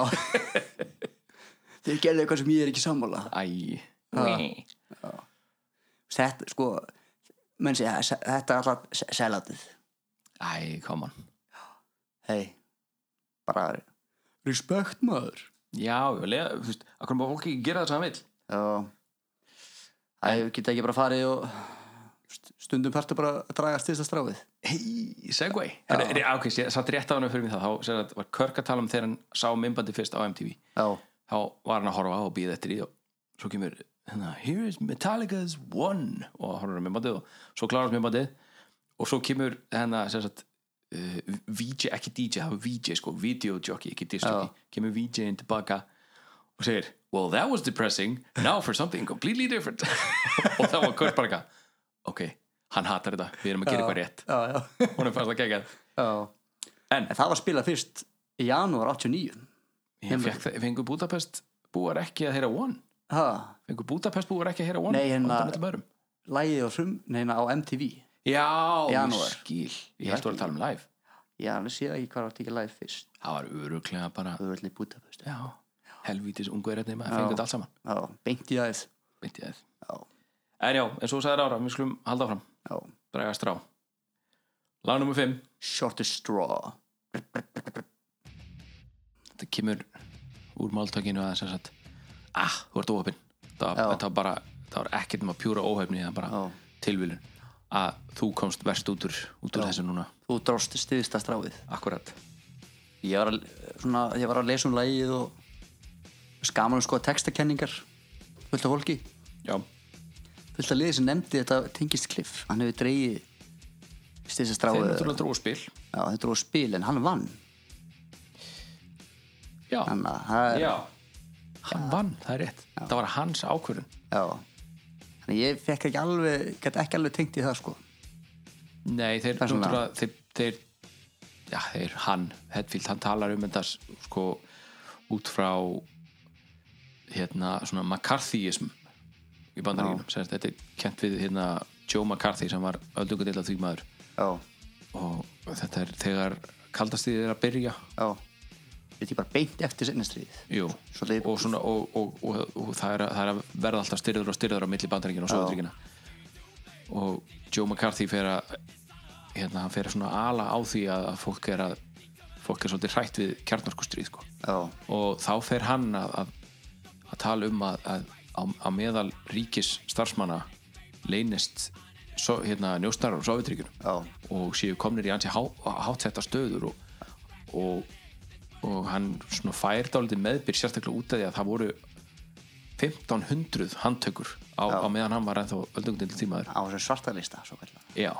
blacklisted þar á meðal voru ýmsir hérna, tónlistamenn eh, eh, listamenn, ég, ég fekk nú ekki skýringu að hvers, hvers konar listamenn Suspicion is your name, your honesty to blame Mhm. Já, það var svolítið sko maður skil að þeir listamenn voru svolítið rótækir vinstrimenn já, margir og lítið til Sovjetríkina sem svona einhver holy land já, til dæmis Halldór Laxnes já, hann gerði það Já. Og það það- það- það er þess vegna sem að Halldór Lansins fekk ekki betri og skemmtilegur umfjöldun hér á landi það Nei. er þetta að Já, hann var hann, já, aðhildist kommunism og svolítið já, og já eins og margir Stjórnvöld margir virðast aðrir, ekkert sko. hafa. Nei. og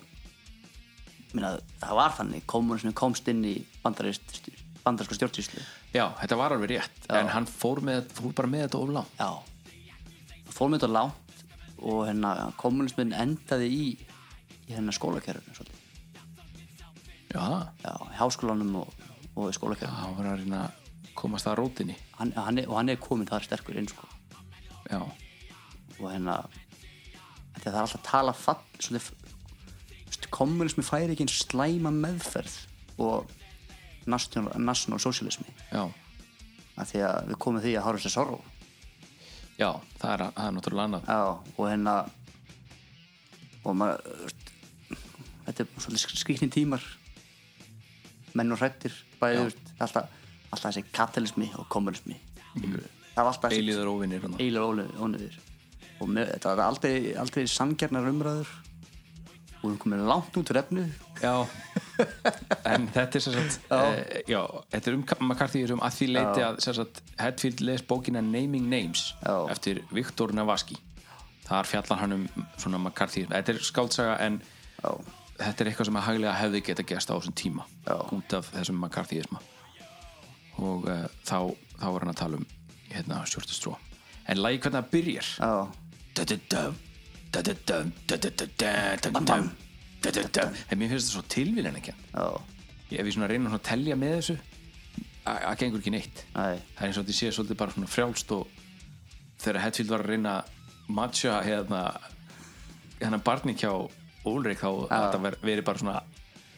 að ég veit ekki, hefni já, og hefni, hann hefur degið lengsta stráið í einhverju tökunni já. og náða að matcha hann alveg já en skilur talað um þess að byrjun ég, hún er rosa föst í mér að heyra þetta sko af því að þegar seint engar kemur út þessum tíma já, að fylgdi ykkur auka diskur með henni ykkur DFT diskur já, sem var eitthvað þe- þeir að spila lög í, hérna, í stúdíónu sínu já, og svo var eitthvað lítið trailer inn á disnum það er eitthvað töluleik Metallica töluleik sem átti að koma úr 2005 ok þar ke- er byrjað það dun, dun, dun, dun, dun, dun, og það er svona trukkur að fara í gang alls konar sko Já. með Metallica Já, nummerblötu og þú, þú veist að sýnum þetta rétt þannig ég hef aldrei nokkuð tíman heyrt um einhvern Metallica tölvuleik en hann hann átti að heita Damage Incorporated sko ok Ah. það fer, það fer úr þessu lagi beint í Damage Incorporated Já, yfir í hérna bam, bam, Ah. bam, bam, tegada, bam, bam, bam, bam, já. og þetta kom aldrei út kannski betur fyrr ég, já, ég veit það ekki South Park kannski komast upp með ekki úttaluleiki, Já. ég, ég sé ekki Metallica nei, komast upp með þetta nei, nei Mér finnst ég, mér finnst ég heyra bassan á köplum í þessu lagi, finnst, ég mér- finnst mér ég heyri í bassanum Það er alltaf gleðið fréttir Það er hérna hei, hann er bassinn Jason uh, sem sagt, þegar Jason eða Kirk voru í stúdíón að taka upp sitt þá voru þeir bara, það voru sem sagt einu skiptin sem að þeir voru í stúdíónu var ef þeir áttu að taka upp annars voru þeir ekkert þannig nei, þetta var bara Lars og James og bara því hinn er skiptið ykkur ekki aðfinnum þurfum á okkur að halda já, já, Jason tók upp allt sitt og ég meina allt á einu degi já og hann sko hann var hérna Flemming var ekki hérna, Lars og James voru ekki hérna það var einhver annar eða þriðji upptökustjóri sem sagt, það er first engineer, second engineer, third engineer annar eða þriðji og Jason sagði að þetta, þetta, er ekki, þetta var ekki gæinn sem að hafði einhver völd þarna, hann bara kunni átakana Já. hann kom og, og ítt á rektakan og ég byrjaði að spila þetta var gæinn sem að rauðlega hláttins þú veist, sækja kaffi þú veist, fyrir okkur og svo var hann alltaf á bakvið og við fórum að reykja einu á Jónu með honum eða eitthvað Já, já. Þú veist, þetta var svona sko. Já. það var það mikið disrespect við Jason En við sér á vinnur okkur Ungarlandi já, þeir fengu ekki þetta lag fyrst það mikið var var ekki fyrir 11. mæ 1990 sem þetta lag var fyrst spilað live í London já, ok, þannig að á Live Shit 89 eru þeir ekki búin að spila þetta lag Nei, merkilegt já, mér finnst það eh, já þetta er ekki, þetta er ekki grípandi lag þú veist, sólóið svolítið svona sko, eh, þú veist, eh, hérna, Mér- laglínan mér finnst hún já. alltaf læg en bara, já, Það, fyrir, fyrir, það er sóló sko Mér finnst, mér finnst þetta að vera svolítið svona svona 80s feelingur mest í, í, í, í sólóði svona mikil, þannig mikil áhrif og mann heila Já, og þetta ég er ekki hrifin að þessu sólói, ég verð að segja það svona með að við hvað ég veit hvað hann getur þá er þetta ekki þetta er ekki hans besta verk. Nei, nei, nei, ég var ekki ruggla sólóðum kannski ef ég er auðvitað sólói, ég veit það ekki en sko, það, það bara segja til allavega frá mínum pæðardunum hvað mér finnst þetta sóló ekki, ekki skemmtilegt því það, að, það, það er að flokkna svo plötu líka Þú veist maður svo erut að tengja hvað svo já, en ákveðlega lögin eru svo fucking löng já ah, svo mikið í gangi þú veist. já, oft þú veist að eh, maður ma tekið svona leikjum á netinu það er svona, Já. eitthvað- er svona name this song, hvað lag er þetta já, Þú og kemur kannan just like bara, já, ef þetta er ekki One eða, blackened eða Blackened eða, eða Harvester kannski, já, þá væri ég vandræðum já, bara- Dire Eve geti ég spottað Jú, út af- jú. bara út á tempóinu sko. en já, þetta er bara en sko, ég held bara að Jason og Kirk hafið svolítið liðið fyrir það að þeir voru ekki meðininu prósess nei, bara, ég held, ég held að hérna allt sem að sem sagt, Hammett fær uh, kredit fyrir já, sem lagahöfundur það hafa bara verið eitthvað svona rift tape sem hann sendi á já, já. James eða, eða Lars eða gaf þeim einhvern tímann Nei, kannski var bara bandið í einhverjum svona sorgarferli Já, það var það það var alveg. bara, þú veist, uh, þeir, ég, held- ég held það var svona hápunktur uh, hápunktur sko eitilegu nótkunar, Já. alveg 100% ég, ég oft hugsa sko hápunktur svona flækjustiga í Já. lögum og stum, að, að þeir skiptur um mikið að mixunu ætlum Já. ekki bara verið þannig að þeir voru svona í svona sjálfseyðingar feeling það bara, það hljómar Með eikonum. vel mögulegt sko já. en þetta var henn styrsta stráð okkar Stista, Stráið. stráið, já það er rétt en hvað lag kom þetta því? það, Það var er lagið. sexan Harvester of Sorrow, þingsta lag blutunar alveg heiklust þetta lag það var ekki spilað í Budapest heldur Nei. ha, við erum að tala mikið um Budapest núna já Þetta er, ég hef ekkert að móti ungurum bara svo það sé á hreinu nei nei það var bara mjög, mjög varstu bara pínu svikin að ungar er að fá bara hálfa plötina hana Það var- spilaði fyrst 23. mæ 88 í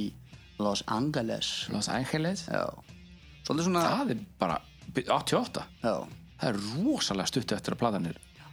kláruð já, jafnvel ekki nei hún er ekkert komin út kemur út í september já, 23. mæ þeir eru bara ný búinir að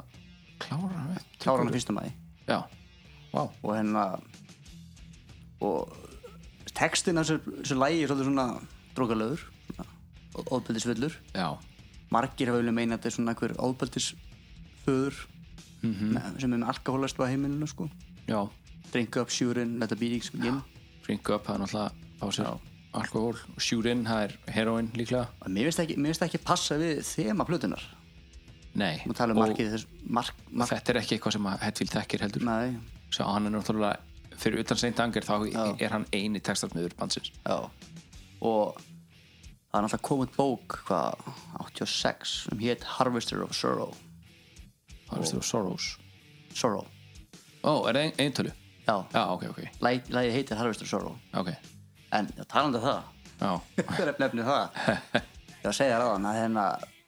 Lars var ekkert úr að hrifin að því þegar James söng alltaf live Harvester of Sorrows já setti fleirtölun á það já, það fór rosalega töðun á honum en ekki Harvester of Sorrow ég finnst bara merkilega það að, að, að Lars Hæ- heyri í James live já, en það er kannski eitthvað já, já já, ég, hérna, ég, heyr- ég reyndar þegar ég var að hlusta á þessa hljóðbók sem ég myndist á aðan þá þá sem sagt, uh, það eina sem að Lars var með í mónutónum hjá sér mónutónin sem sagt ef, ef þið vitið ekki þá sem sagt það er svona lítill hátalari sem að er sem er ba- beintur sem sagt, að bandinu Já. og það getur, þú getur verið með marga mónitóra sem eru með mismunandi og það sem, sem, það sem að Lars vildi fá að heyra í sínum mónitór var bara hérna, gítarinn hjá James Já. hann vildi ekki heyri Jason Nei. eða Cliff en það er samt svona, men, hef, svona hefðbundið hefði verið að hann myndi heyra mest í bassanum Já. og svo aðeins af öllu hinu því að ef að trommur og bass er ekki saman þá þá, þá er svolítið erfitt að, að láta bandi hljóma vel en þetta virkar, það virkar, það virkar já, fyrir já. þá þannig að hver er ég Minna, ég kannski hlusta hann bara upptökunur að tónleikunum senna Já. það var að sá hann þetta What the fuck James, how is sorrow Þið er ekki gott ef að hefðu það Nú skal ég er í flugusum for fun Já En, já, en komum aftur að svona með textan Mér finnst ekki passa í hérna þema textar af einhvern arka pappa að lemja bönni sín sko Nei, en þú varst með kenningum um það Já, það kom inn bók Já. 80 86, hétt Harvester of Sorrow Ok. Mhm. og við vorum að koma að því -hmm. og þegar vorum að tala um hana Mark, Mark Carthyism McCartney eins og mjög já, sem var svona roundup í kommunisma í bandaríkunum og Já, e- a- það var ekki bara það, hann fór lengra með það, sko. hann, fór, hann fór með þetta í svona ofsa hérna, í svona- í svona ofsóknir af, af þeim sem að áttu sko, voru með kannski pólst eftirnafn og það Já, var nóg til þess já, að þú já. veist, það var nóg til þess að já, pólst, það er sovjetrygin fólk bara vissi ekki betur sko. Nei, en það var hérna hvernig Sovjetringi fóru með Úkrænumenn Mhm. fyrir seinastri og rosalega illa með það ok, það sem þeir hérna hvað, Sovjetringi byrja ábyrð á að dauða 5-10 miljóna Úkrænumenna mm. og notuðu svo kallar takti sem kölluðu hérna ah, hvað ég kölluðu þetta Hó, ekki holocaust, þetta er uh, holodómor holo- holodómor, ok, þannig sem fólk að svelti dauða já þannig að þetta vissi ég ekki, hvað hvað er þetta, hétt þetta famine hvað, hann segir í textunum hennar In, fana infanticide, já, það er- það er sem sagt ung, ungbarna döði, ungbarna morð já, það voru sér, sérska, sérstakar sérsveitir eða svona sovjaskar sveitir svona kommunistar sveitir sem voru sendið til Ukraínu já, og voru, voru átt að verja hérna landbúnaðin já, að því að þetta átt að vera svona samegnar stefna eða, og meðli Ukraínu og sovjetrygin nei, bara sovjetríkina Já, ok. þetta bara, á, núna er allur landbúnaður okkar skilurðu, við hérna en við þurfum að forna ákveðu fólki við Vá. wow. ákveðu forn, forn Ukraínumönnum já, hendugt, Já, það sem menn, þeir voru annarkvæmt, þeir voru seltið dauða Allir landbúnaðan annarkvæmt, annarkvæmt sem var skemmtur eða hirtur Mhm. Þeir sem söfnuðu mat voru drefnir Vá. Svo voru þú veist, börn drefin, bara seltið dauða Fólk sendið í þrælabúðir Og hérna, stuð og fjör já Nei, sorry, Eh, maður á ekki að gera grína þessu en, Nei, nei. en wow, ég vissi þetta ekki Þetta var þessum collectivation kolle, þú veist, Þessi sameigna stefna Sovjetríkina wow. Þannig að ég vil halda þú veist, að hérna, þetta geti yfir tengingin við textan sko já, ég, já, ég get alveg trúið því líka sérstaklega út af því hann, þeir vissu af McCarthy í þessum Já. og þá var, voru þeir örgla forréttinum ok, hvaðan kemur þessi, Og bókin- þessi ofsarhæðsla um Sovjetrygin og bó, bókin kemur 86 já, þetta er líka upplýsingar sem fólk veit ekki oft um Sovjetaríkin nei, ég mitt, ég, ég hafði ekki hugmynd um þetta þetta er, þú veist, þeir- þeir byrjuðu á þessu bara sko fyrir senesti ok, voru með svona concent- concentration camps fyrir úkrænamenn wow, og hver voru helstu og þeirra hérna, national socialism eða nazismin fyrir stað, já, hver voru helstu menni sem voru að vinna í, í Auschwitz og þeim stöðum það voru ekki þjóðverjar voru það Sovjetmenn úkrænamenn, aha, úkrænamenn voru rosalegir þú voru svo hlindir Hitler wow, bara út af náttúrulega hvernig Sovjetaríkjum voru búin að koma fram við þá sko já, eh, svona óvinnur, óvinnar mín sem vinnur minn já, dæmi, já, já, ok, og það er svona aftur talandi að úkræmin í dag sem eru svona ykkur fasista tengdir sko já, Veist alltaf, þeir þóldi ekki sóðutrykkin og, ég mitt og hérna sami ungverjana var eitthvað að því að sóðutrykkin voru illa með þá líka mm það var alltaf verið tenging, það er ekki að því að þeir eru ykkur nasistar en þeir bara Nei. voru að því að voru óunir sóðutrykkina já, ok, og mikið af þeim voru alltaf, Djú, fyrst mér það gaman að læra eitthvað svona nýtt maður þetta er en æðislega að það er heyrt um einn versti fangavörður við, við sem búðum hana í Ukraínu þjóður Já, voru er, með var ekki Netflix jú, jú, Mynd gerði mann, akkurat. hann var úkrænumöður og sérst, stæðsta samfélagi bandrækjum sem var á móti í Sovjetreikinu voru úkrænumenn og gýðingar, já, Ah. íslandsmenn þeir, það var ekki, ekki, ekki tenging þannig að ok, það var svona sk- skemmtilegt að pæla í því, sko vá Það er Pólitík, hún fyrir Pólitík. djúpt, hún er já, ógeðslega hún, djúpt hún fer andri djúpt Enda þessi plata Fyrir- við ekki aftur að læginu já, svona, já læginu sjálfu kannski ekki eh, ekki textanum sólóið það, þetta er þetta er eitt af bestu lögunum á plötunni Já, en mér finnst þetta eitt af bestu sólónum all- allir mér sól finnst það bara, mér finnst það enda allt í lagi en allt annað í þessu sólói, þessu stutta sólói finnst mér bara ekki nógu gott sko. svona að byrja, það er svo- það er svo lengi að byrja eitthvað svona "Uh, eitthvað bara einhvern veginn ég veit ekki, mér finnst svona eins og hann hafi ekki fengið nægan tíma, Nei, ég fæ það, bara, fæ það á tilfinninguna rosalega, hann hafi, fengi- hafi ekki fengið nógan tíma en kannski, kannski var hann bara á einhverjum efnum og fannst þetta bara geggjað ég maður veit aldrei En það, þú veist, það er engin wow-up-pedal það Nei. er engin, það er engin Va- Van Halen stæling í þessu kannski var þetta fyrsta sólóði sem hann tók upp og þeir voru ekki byrjar að túra með þeim það getur verið Ha, maður, maður veit en aldrei nei, það getur ekki verið, nei, ég sagði það, það hérna, sólóin voru hérna, tíu dögum áður en að platan var kláruð voru, Já. voru engin sóló komin þannig að nei, það getur ekki verið þannig að og þetta lag örgla fyrsta lagið sem frumflýtt blöðunni 23. mæ að Ah, hlýtur að vera en þungt, gott Já. lag, grúfi mjög gott lag þetta lag og þegar lagið sem spilaði á tónleikunum í Íslandi Þess. ah, þú ætlar aldrei að hætta að tala um þess að helvítist tónleika á Íslandi sem ég komst ekki á nei, fuck off herru ég henda okkur í næsta lag Jú, það er lag nummer sjö það er hérna, kíkjum til, til hérna í æmyndir, æmyndir þar Já, við erum að fara til hérna, galdrakallsins í Ós Já. The Freight Ends of Sanity Geðveikin, geðvíkin og galdrakallanir og Já. apanir einmitt Það kannski er eh, svona lýsandi fyrir geðveikin að það er notuð svona tenging hann á milli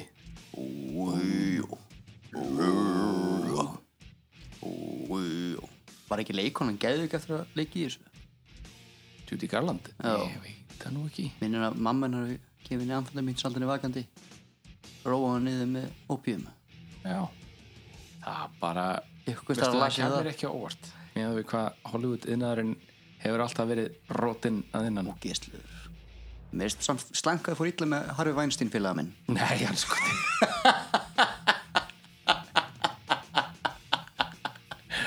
Kemur hashtagið cancel Cthulhu kallar nei, hala Nei, hey, fóru, þetta fór að verða með hann eitthvað er já hann, hann var, hann var algjörst okkið sko, og er þú ætla ekki það verst í þessum bransa Nei, hann var bara gómaður það var bara gómaður, það er að versta við þetta Já, en já, já þessi, þessi, þessi þetta ó, jó, jó Þetta er náttúrulega úr myndinni eh, Galdrakattin í Ós Já Og sem er svona Timeless classic Já, þetta er bara eina af, ein af frægustu myndum að dara tíma sko. Já Að Þetta, að þetta er ferðalag Þessa, þessar ferðalagsmyndir eru svo ríkalega vinsalar Til dæmis Lord of the Rings Lord of Rings Já Já, já, Og hérna Þetta er skemmtilegt að tala um það að hérna Við vorum enga tónleika ekkert um hann Metallica enga tónleika Já Ok, 1990 þetta var eitthvað svona eitthvað fyrir eitthvað ég veit ekki hvað en það komur þeir fram sem The Freight Ends The Freight Ends, já, ok það var eitthvað hvort þetta verið eitthvað góðkera mál eða eitthvað ríku kall eitthvað vilja fá fá. Já. eða hvort það verið eitthvað partí bara svona innan að bransa partí Já, ég veit það ekki cool já og hérna og þetta er magna með þetta lag þetta, þetta er svona að vera fan favorite lag En þetta, Já. þetta lag var aldrei spila live ekki, svona, ekki að turnum djástu turnum, Bara aldrei nei að Þannig að þeir hafa spilað Escape oftar enn þetta já. Nei Jú, What? og hérna ég held að hérna það var túr sem hitt hérna 2014 sem hitt Metallica by Request Já, alveg rétt þannig og Sem þetta var, áðurlega fer út í þetta Já. þessi, þessi Metallica by request tour Hann var eiginlega svolítið, hann fjall svolítið um sjálfan sig Því að fólk var bara að biðja um það sem þau voru alltaf að spila hvort þeir Já. Það var að biðja um Puppets, það var að biðja um Creeping Death Þetta eru lög sem eru alltaf Já, Þau eru já. garantið Þannig að Nema- fólk var að miskilita sko. Fridays and Sanity Freight Ends sem því, mér er þetta geðvegt sko. það var spilað 2014 í Helsingi 28. mæ Vá Vá, stemningin sko og Hann er hérna það, en náttúrulega Freyt Ends of Sandy Hann er svona, orðið Freyt, það er þetta not- notað um sko þegar núndar eru svona farnir að sem sagt, eh, svona hver og einn lítill þráður í svona núndareipi Hann er svona farin að, ef að, þú veist, að fara að visna, skilur já og farin að losna í sundur sem sagt, eh, sem sagt, Freyt Knots til dæmis, þá er svona núndar sem að, þú veist að þeir eru ekki að fara að halda miklu lengur Nei, nei. þannig er hann að taka sér það og hérna, tengja það við geðhelsu sko. bara hann hangir á limunu andlega geði þeir svona svo mikið að hann hafa komið heilabilun já, two dementia já akkurat en introið sem sagt, þetta ójó og hérna trómmu svona já, að hann er ekki að spila svona venjulegt beat, hann er að spila svona eiginlega mars marseringu en samt ekki, Hættfíld á að hafa fengið hugmyndina af þessu introið þegar hann var að horfa á einhvern svona college football hérna leik og þá sá hann eitthvað marseringaband og já, þetta er cool, Já. tjekkum á þessu sem hann notaði í seinni plötum Já, það er alveg gott að það er ekki bara nerd á þætti Já, já, hvað með þér? Segðu mér ennert Vart þú komin að justice for all? Já, ef ef við vingum aðeins að hérna aftur að því hvernig þið mixuðu plötuna því að það er náttúrulega það augljósasta við þessa plötu Já, er mixið og sem sagt enn einn afsökurinn var til dæmis að e, Lars sagði að sem sagt, þeir voru að fljúa alltaf á milli, þeir voru, þeir kannski kláruðu eitthvað, einhverja tónleika á Monsters of Rock turnum já, svo tóku þeir bara einhverja engaflugvel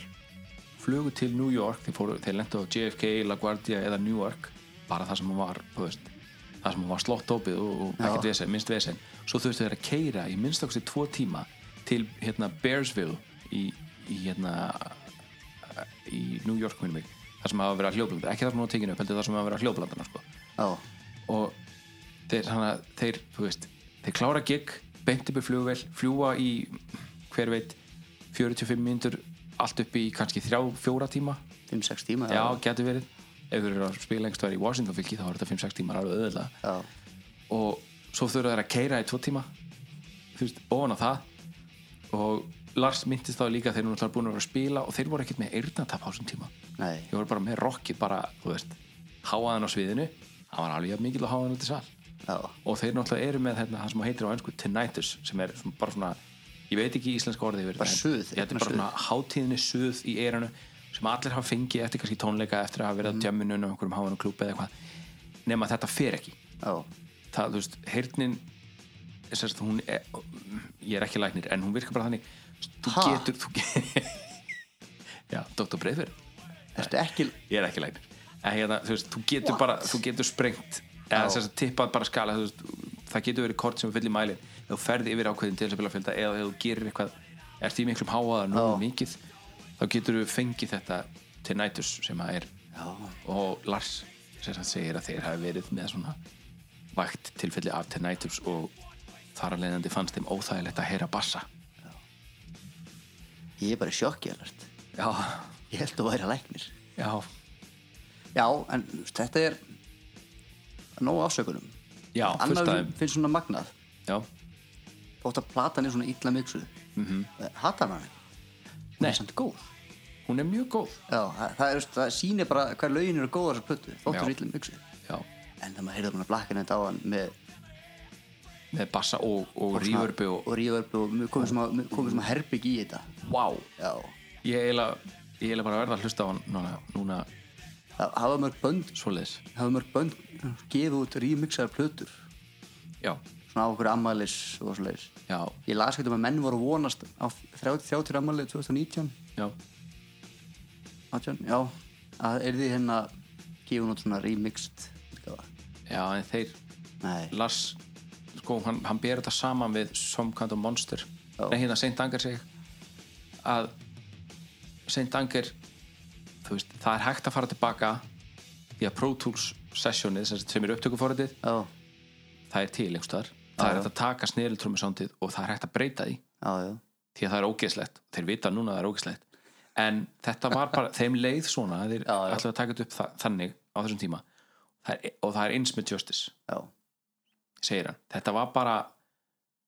þetta var svona á þessum tíma við tókum þessu ákvörðun á þessum tíma og þú veist, við viljum ekki vera fyrkt of mikið í fórtíðinni þetta getur svo hérna George Lucas að breyta öllu já og ný, nýju myndindar þar sem að voru s- smá út úr það voru, það var eitthvað taka það sem að sem sagt, hann heit, hann hætin Kristjansen eða eitthvað svona hvað hann heitir sem að leikur Anakin sem ú- táning og svona, Já. ungan mann þá sem sagt er hann að tala við Emperor Palpatine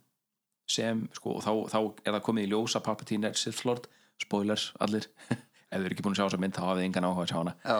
og hérna það eru tvær tökur og í annari tökunni fannst George Lucas augun á honum vera perfect en munnsvipurinn ekki nóg perfect og í annari töku var það öfugt munnsvipurinn perfect, perfect ekki augun þannig að hann blandaði þessu saman og einhver, einhver úber aðdáðandi kom auga á þetta Já. og núna ef ég horfa á svo beint sem ég gerir reyndar ekki oft en þegar ég horfa á þetta þá get ég, get ég ekki ekki séð þetta og þetta er svo ógætlega ónáttúrulegt bara ég mæli með að fólk flætti þessu upp, þetta er svo, þetta er svo ógætlega weird en Jason talaði um að hérna, hann var spurður út í þetta en svo hann, sa- hann sagði bara sama svona var þetta bara Þú veist, ef Já. ykkur myndi- ef ykkur myndi réttan réttan með Justice og Jason disk hann bara nei, já, Flemming talaði um sko, honum fannst sem sagt, það sem að Jason spilaði og þú veist, honum fannst leðilegt að, að hérna, það heyrist ekki meira í Jason já, en hann sagði Jason, það sem að Jason spilaði var ótrúlega flott, það var ótrúlega flott hann, hann vann heimavennuna sína miklu betur en allir aðrir já Það sem, og það er bara, því miður heyrist ekki nóg í honum auðvitað gerna það, veist, hann nýkomin Já, í bandi nákvæmlega. hann er að fylla upp í stort skrif sko. mm og, sem er fall klifs já, sem er akkurat. bara gott dæmi fyrir næsta lag to live is to die Já. en ekki to live is let die ég er bara að segja mjög oft. með mismæla sig maður, þetta er ekkert mál en þetta er, já, instrumental lagplötur en þetta er, fjórða platan eru það sem er instrumental og senast það neða, ég veit það ekki Hvað það senast- senast eintrúnlega í bíli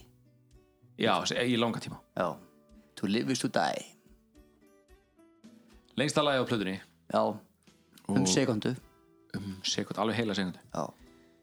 það átti að vera mínútu lengra, vissur það nei, ég vissi það ekki já, það, hérna, en það var stitt sem sagt, síðasta mínútan var klift aftan að því svo þetta myndi passa á geisladisk á þessum tíma já, hérna platan var orðin og löng já, þetta átti að vera 10 mínútur og 48 sekundur en ekki 9.48 já ok sem vildi magnað já, en hérna, Þetta þetta, er- var líka lengsta stúdíólaðið þeirra sem- til þessa sem við tekið upp já, og þetta var svona homage eða svona til að hei- heiðra Cliff Burton já svona tribut já, hann, la- nei hérna James talaði með við vildum heyra minningu hans á þess að fara eitthvað svona over the top já, bara bara þakka fyrir tíman sem við fengum með honum og þessi frasi to live is to die, það var mjö, miklu uppáldi hjá honum Já. og hérna og flest riffin í læginu Mhm. er eitthvað sem hann kom nálátt eða samti Já. eitthvað sem hefði ekki komist en aðra plötur eða eitthvað bara já, sem- já, bara eitthvað svona samansapn þú veist, þeir voru náttúrulega alltaf bara enn á hótelherbyggjum eftir gig þá voru þeir bara alltaf að fýblast með gítara og, og bassa og, og finna upp riff Já, til dæmis, var, ekki- þú nefndir að fyrsti parturinn svona þessi svona klassíski mjög svona,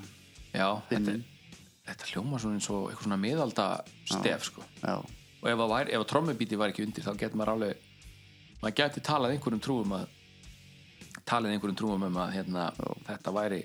miðaldastef sem er bara tekið og þetta er ykk- bara eitthvað frá þú veist, bakk já talandi svona mjög alltaf stef með svo ljóðið sem kemur fram fyrir parturinn er það er hérna tala um þýsk, þýskan prest þýskál, hann heit hérna svona lúterskur þannig komin frá kathosku kirkjunni burt frá henni og hann er lúterskur hann heit hérna Paul Gehat og hérna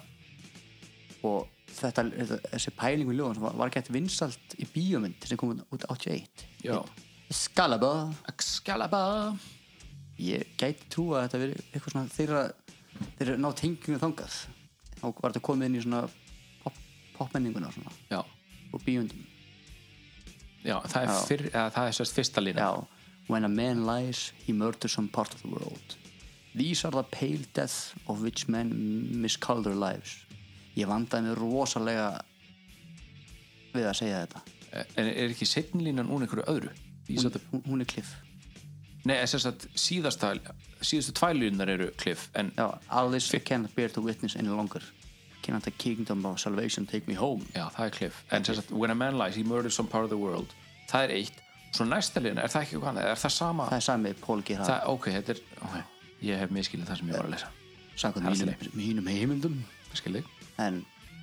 eins og ég segi, ég vandaði mér rosalega við að segja þetta ensku Já því að eins og ég, sa- ég sagði, ég sagði ekki black end ég sagði black end Já, skiptir ekki máli Ég held, ef að, ef að Íslendingar skiljiði ekki Já, það var eitthvað, það var eitthvað að En það, Ég- nei, nei, það er allt í lagi já, En ég er með, sko, ég er með svolítinn uh, Já Ég hef góð með körk við að ljúga En ég bara veit ekki um hvað hann var að ljúga nú,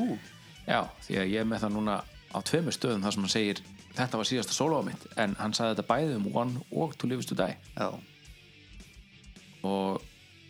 já, menn þetta er gaman að komast að því hvort var síðasta sólóið við þurfum bara að ringi hann ekki núna Já, hann spilar fyrra sólóið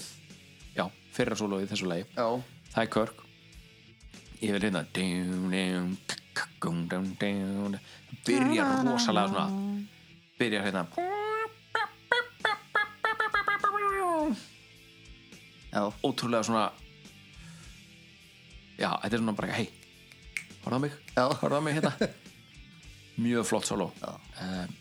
en það sem solo sem James spilar já.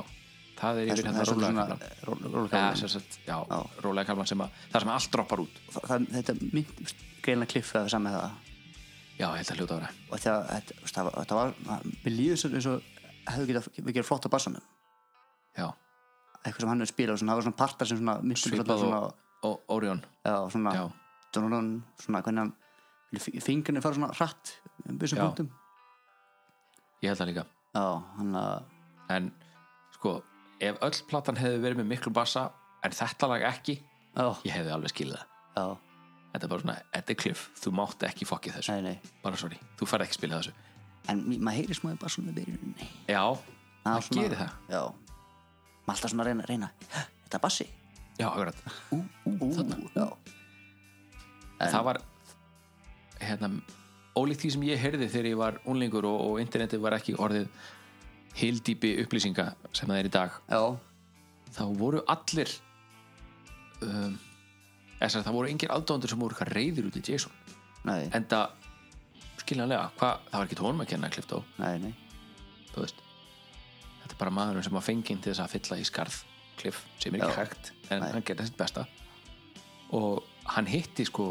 uh, fóreldra kliff sem er Ray og hérna ah, nú man ég ekki, Jan held ég Jan, já, ég held hann- Burton. já, Ray og Jan Burton, fóreldra kliff og uh, þú veist, strákarnir kynntu Jason fyrir þeim og og hérna Jan sem sagt faðma hann ef hún heiti Jan e, e, Já. sorry, ég, ég mig minni það en mammans kliff faðmaði Jason og, og sagði þeim líst vel á þig strákurum í bandinu já, þannig að þá líst okkur vel á þig líka já, bara þú veist, stattu þig vel já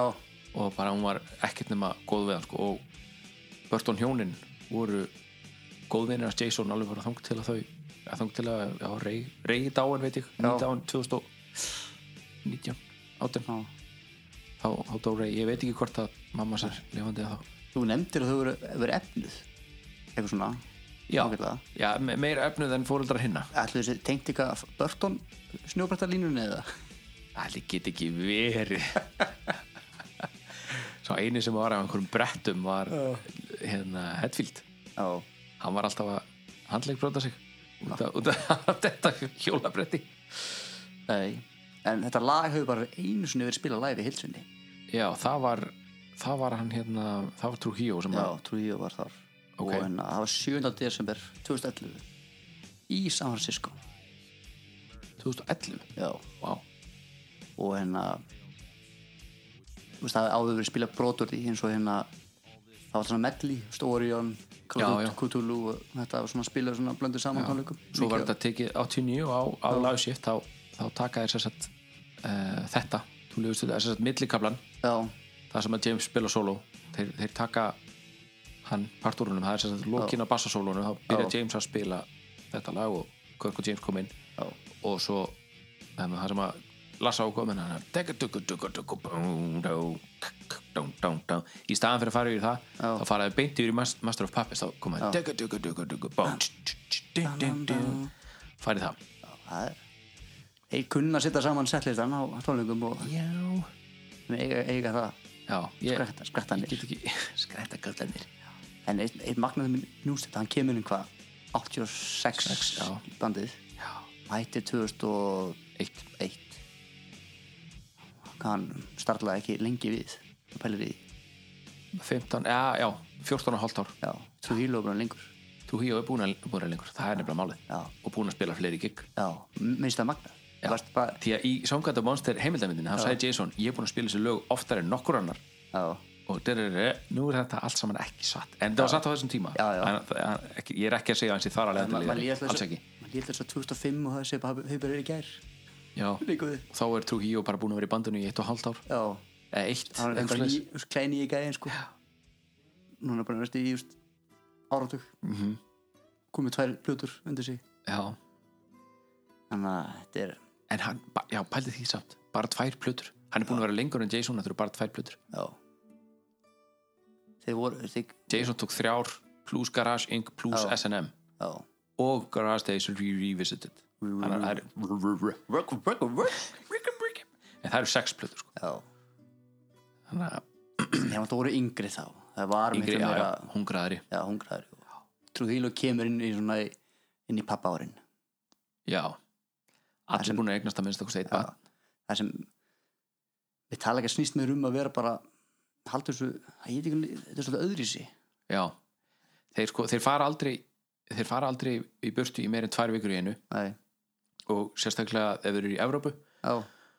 þá kannski spila þeir, segjum bara þeir spila í Brussel já, og svo þeir eru búnir, komnir á sviðinu, búnir í styrtu þá er bara að hoppa upp í þóttu flóið til Parísar, inn á hótelherbyggi þar já og svo er bara flóið hérna, svo er það kannski eitt dagi frí svo er flóið til Varsjár eða eitthvað í Pólandi, Já, spila tónleika þar svo er flóið tilbaka til Parísar þeir eru með sama hótelið allan tíman þannig að það er svona pínu heimilis væn já, já, og oft eru fjölskyldur með þeim og þau bara býða eftir þeim eða, eða eru eftir í þú veist, París eða hvar sem það er þeir, þeir kunna að túra Já. Þeir, þeir, þeir gerðu svo mikið þeir voru, þeir voru, þeir voru, voru svo hrikalega aktífir já, hrikalega duglegir að túra og spila live já, bara hafa, hafa alltaf verið það já og Lars trúði því bara, hann trúði því frá byrjun eftir, eftir kilomál, hann var bara ok við verðum stærstir og bestir og Já, já. allt saman eins og, eins og Lemmy sagði sko, hann leit svo, leit svo til þá hann var svo, var svo stolt, er svona stoltur aðeins sko, Já. hvað þið voru duglegir, hvað þið voru aktífir Mhm. það er svona hann bara mikla virðingu fyrir mig upp á það að gera Já. þannig að en þau eru ekki bara að skella okkur í fóraldra vandamál fóraldra vandamál, heldur betur Dyers Eve, síðasta lagið ekki Dyre Maker Nei Lag nr. 9, það er sín, gjör svo vel ha, Það er sín, Dyers Eve. eins og enn, byrjuð þú mamma og pappi herru, talandu fóraldra Já, ég var að hlusta á upptökuna af fyrsta þættinum okkar já, Tölum málum. já. Núna loksins allir að tak takla þetta þá nefndi ég hérna hvernig ég uppgötta með Tareka ég sagði að pappi minn var mikill með Tareka á dandi og Já, annarkvort er hann dauður eða hérna hættur að hlusta með Tareka sem bara bæði lígi hann Já. sprelli lifandi og fór á tónleika með Tareka í Nóri yfir tveimur árum já, þetta, dýr. þetta, já, þetta, hérna, þetta hljómaði svona eins og þú verður að svona tala um pappaheitin já, ég, maður bara, maður bara ra, maður vissi ekki hvað maður var að gera taka um podcast Nei, nei, en Þannig að- þetta, ég held að þessi, þessi þáttur verði alveg nokkur hundru prósentum skári eins og já, fyrsti já, við erum reyndari alltaf aðra sem eru sjóari, Já, sjóari Akkurat, en herruðum, þetta er stiðstæla plötunar já Ah, bara 5 mínútur og hvað eitthvað þetta sem þetta er eitthvað djúlinni já, En herðu, svolítið neitt, magnað Þeir spiluðu þetta lag aldrei live fyrir 16 árum eftir upptökunar 5. mars 2014 í Los Angeles það er meira en 16 ár Það er Ha. 26 ár, 16 ár, 2014 sagði það ekki fjögur 2004, að fyrir ekki, ok, 16 ah, Þetta er veit ekki að því að og persónlegt lag fyrir James eða, það er alveg séns og, hey, hann líka er svolítið meira aggressív röddin í þessu lagi finnst mér. já, að- en náttúrulega hann er mjög aggressífur á allri plötuna, hann er meira aggressífur heldur en hann var á Puppets Já, og hérna Flemming einmitt reyndi að fá hann til að syngja meira svona eins og söngvari já, en hefði það bara ekki, nei, ég vil hafa þetta röff já röff og, og, og svona, já þetta, þetta er líka fyrsta lagi sem fáum svona það sem heldur þeirra að syngja um uppeldið sitt já, beinum orðum, Já, já, svona eins beinum orðum og hann mögulega getur já, já Dear father, dear mother já, eða dear mother já, já, hvað sem það er sem það er og öll erindin byrja Já. svona Dear Mother, Dear Father pushed on me what's wrong or right hit from this thing called life akkurat og eins og Sem við texti. já, nei, þú eða þú? hann var náttúrulega alveg upp í þessu hérna, Christian Science sem er ekki Scientology þetta er ekki, Nei. ekki það þetta er sem sagt kristin trú en um, þau trú sem sagt þau trúa ekki á nútíma læknisfræði skilur Já, sem sagt eða þú átt að fara í til dæmis það var það sem hafa kallað health class Já. James Hetfield þá þurfti hann að, þá þurfti hann að standa bara eitthvað, herðu, sorry, trúðabröðu mín hérna, heimilega mér ekki að læra um þetta já, hérna, líka með vinni musteri og hann læknar sér sjálfur já eða guðmjölæknir líka já, guðmið læknar líka já. Christian Science, eitthvað, kristni vísindamenn Já, ég- kristin vísindi ég ætlaði alltaf að googla þetta en já, veist, veist, ég hef bara, ég hef bara ekki áhuga á þessu Nei, og Hetfield hefur ekki áhuga á þessu heldur nei döðu skamma sín örgulega fyrir að hafa Já, allir svona upp það er erfitt fyrir hann að vera í í skólanum og þú veist, vera í Já. lokuðu, þetta var kannski lokað samfélag já, já. svona, svo var náttúrulega litin horni á, sko, já, já fyrir að vera þetta kannski Oh, er bara, eh, er, svo var hann að sagt að klippa af sér hárið til þess að fá að stunda amerískan fótbolta já, hann, þá bara nei, þá var hann einnig ennþá meira horni á, sko, fyrst, honum var, fyrst hann var reikin úr fótboltaliðinu hann er eftir eitthvað svona stórgöður já, hann er alveg 1.90 held ég, eða- eða meira já, ég veit, neða, kannski ekki 1.90 nei það er stæðistur í bandinu Já, hann er það Trú hí og hann samt ekkit Hann er engin dörgur sko nei, ég Hann er á veit, sér. Og Cliff var held ég alveg jafnhár og, og James sko Ef ekki herri hann er með tvo dverga með sér, Körk og Já. Lars Körk náttúrulega hérna, gelda fyrir það að, að vera hálfu Philips einhver sko já, Þeir eru nú ekki, meðalhæðin þar er nú ekki há nei en en hérna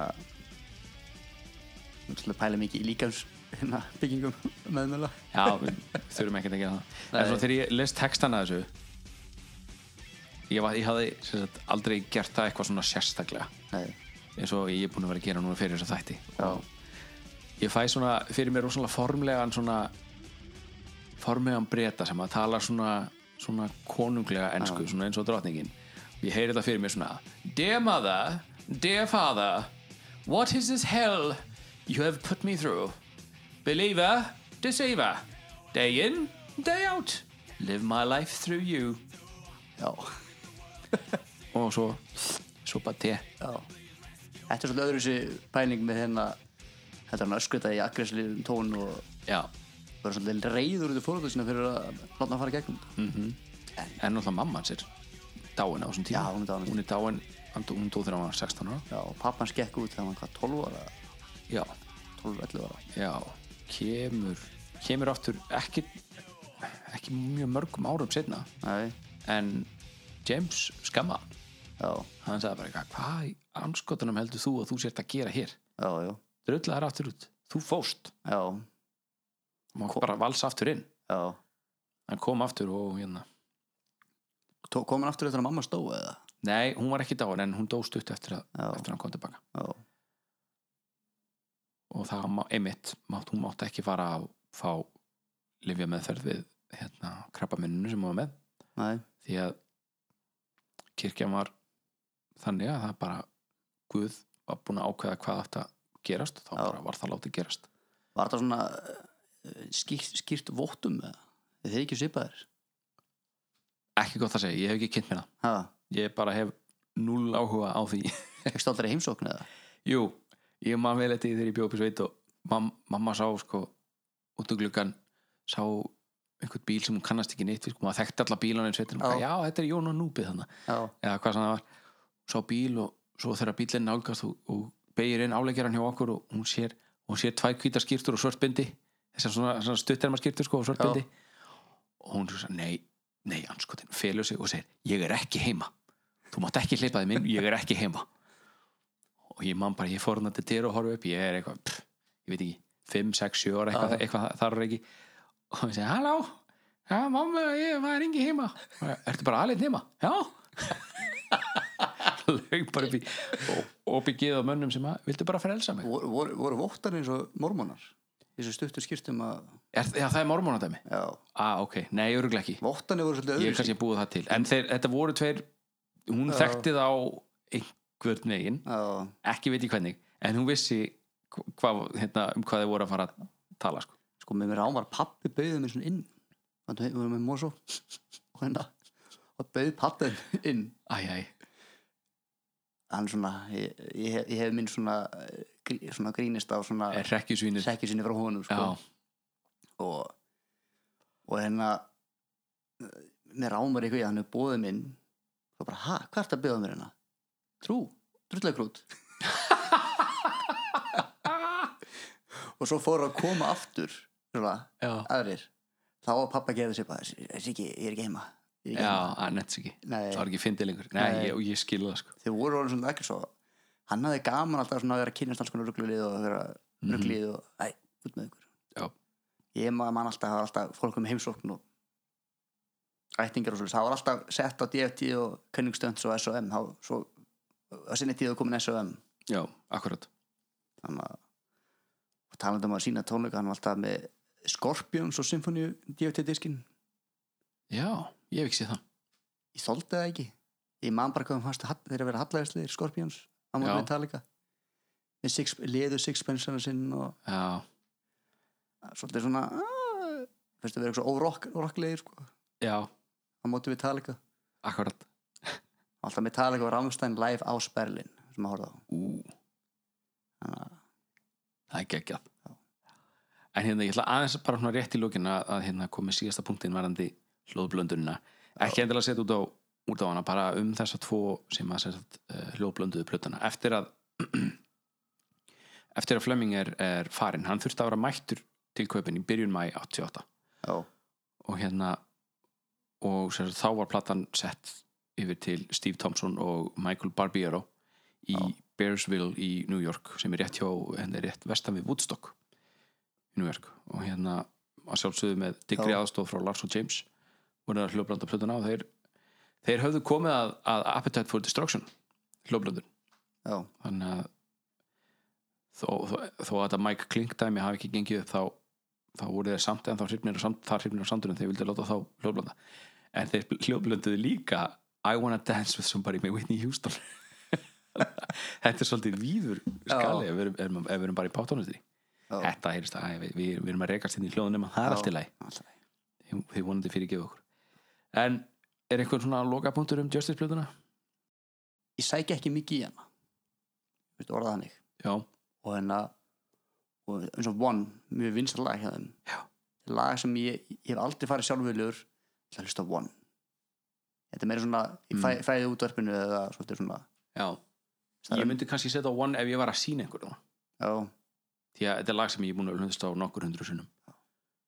um, aðalega live já, en já, ég er, ég er samanlega þessi platt er ekki hátt að hlusta hjá mér ef við langar bara að spila heila plöti gegn en það er nokkur löguna sem ég hlusta á henni er að standa líka srækt já, þetta síðasta kannski já, það er líka bara, það, það, er, það er ekkert break Nei. ekkert break í damage já, þá, og þú veist, það er smá æ, reykja mig aftur í hljónum já, það er smá break, já þá farið smá hérna aðeins slaka á já, já og batteri, það er að sama já, fær smá já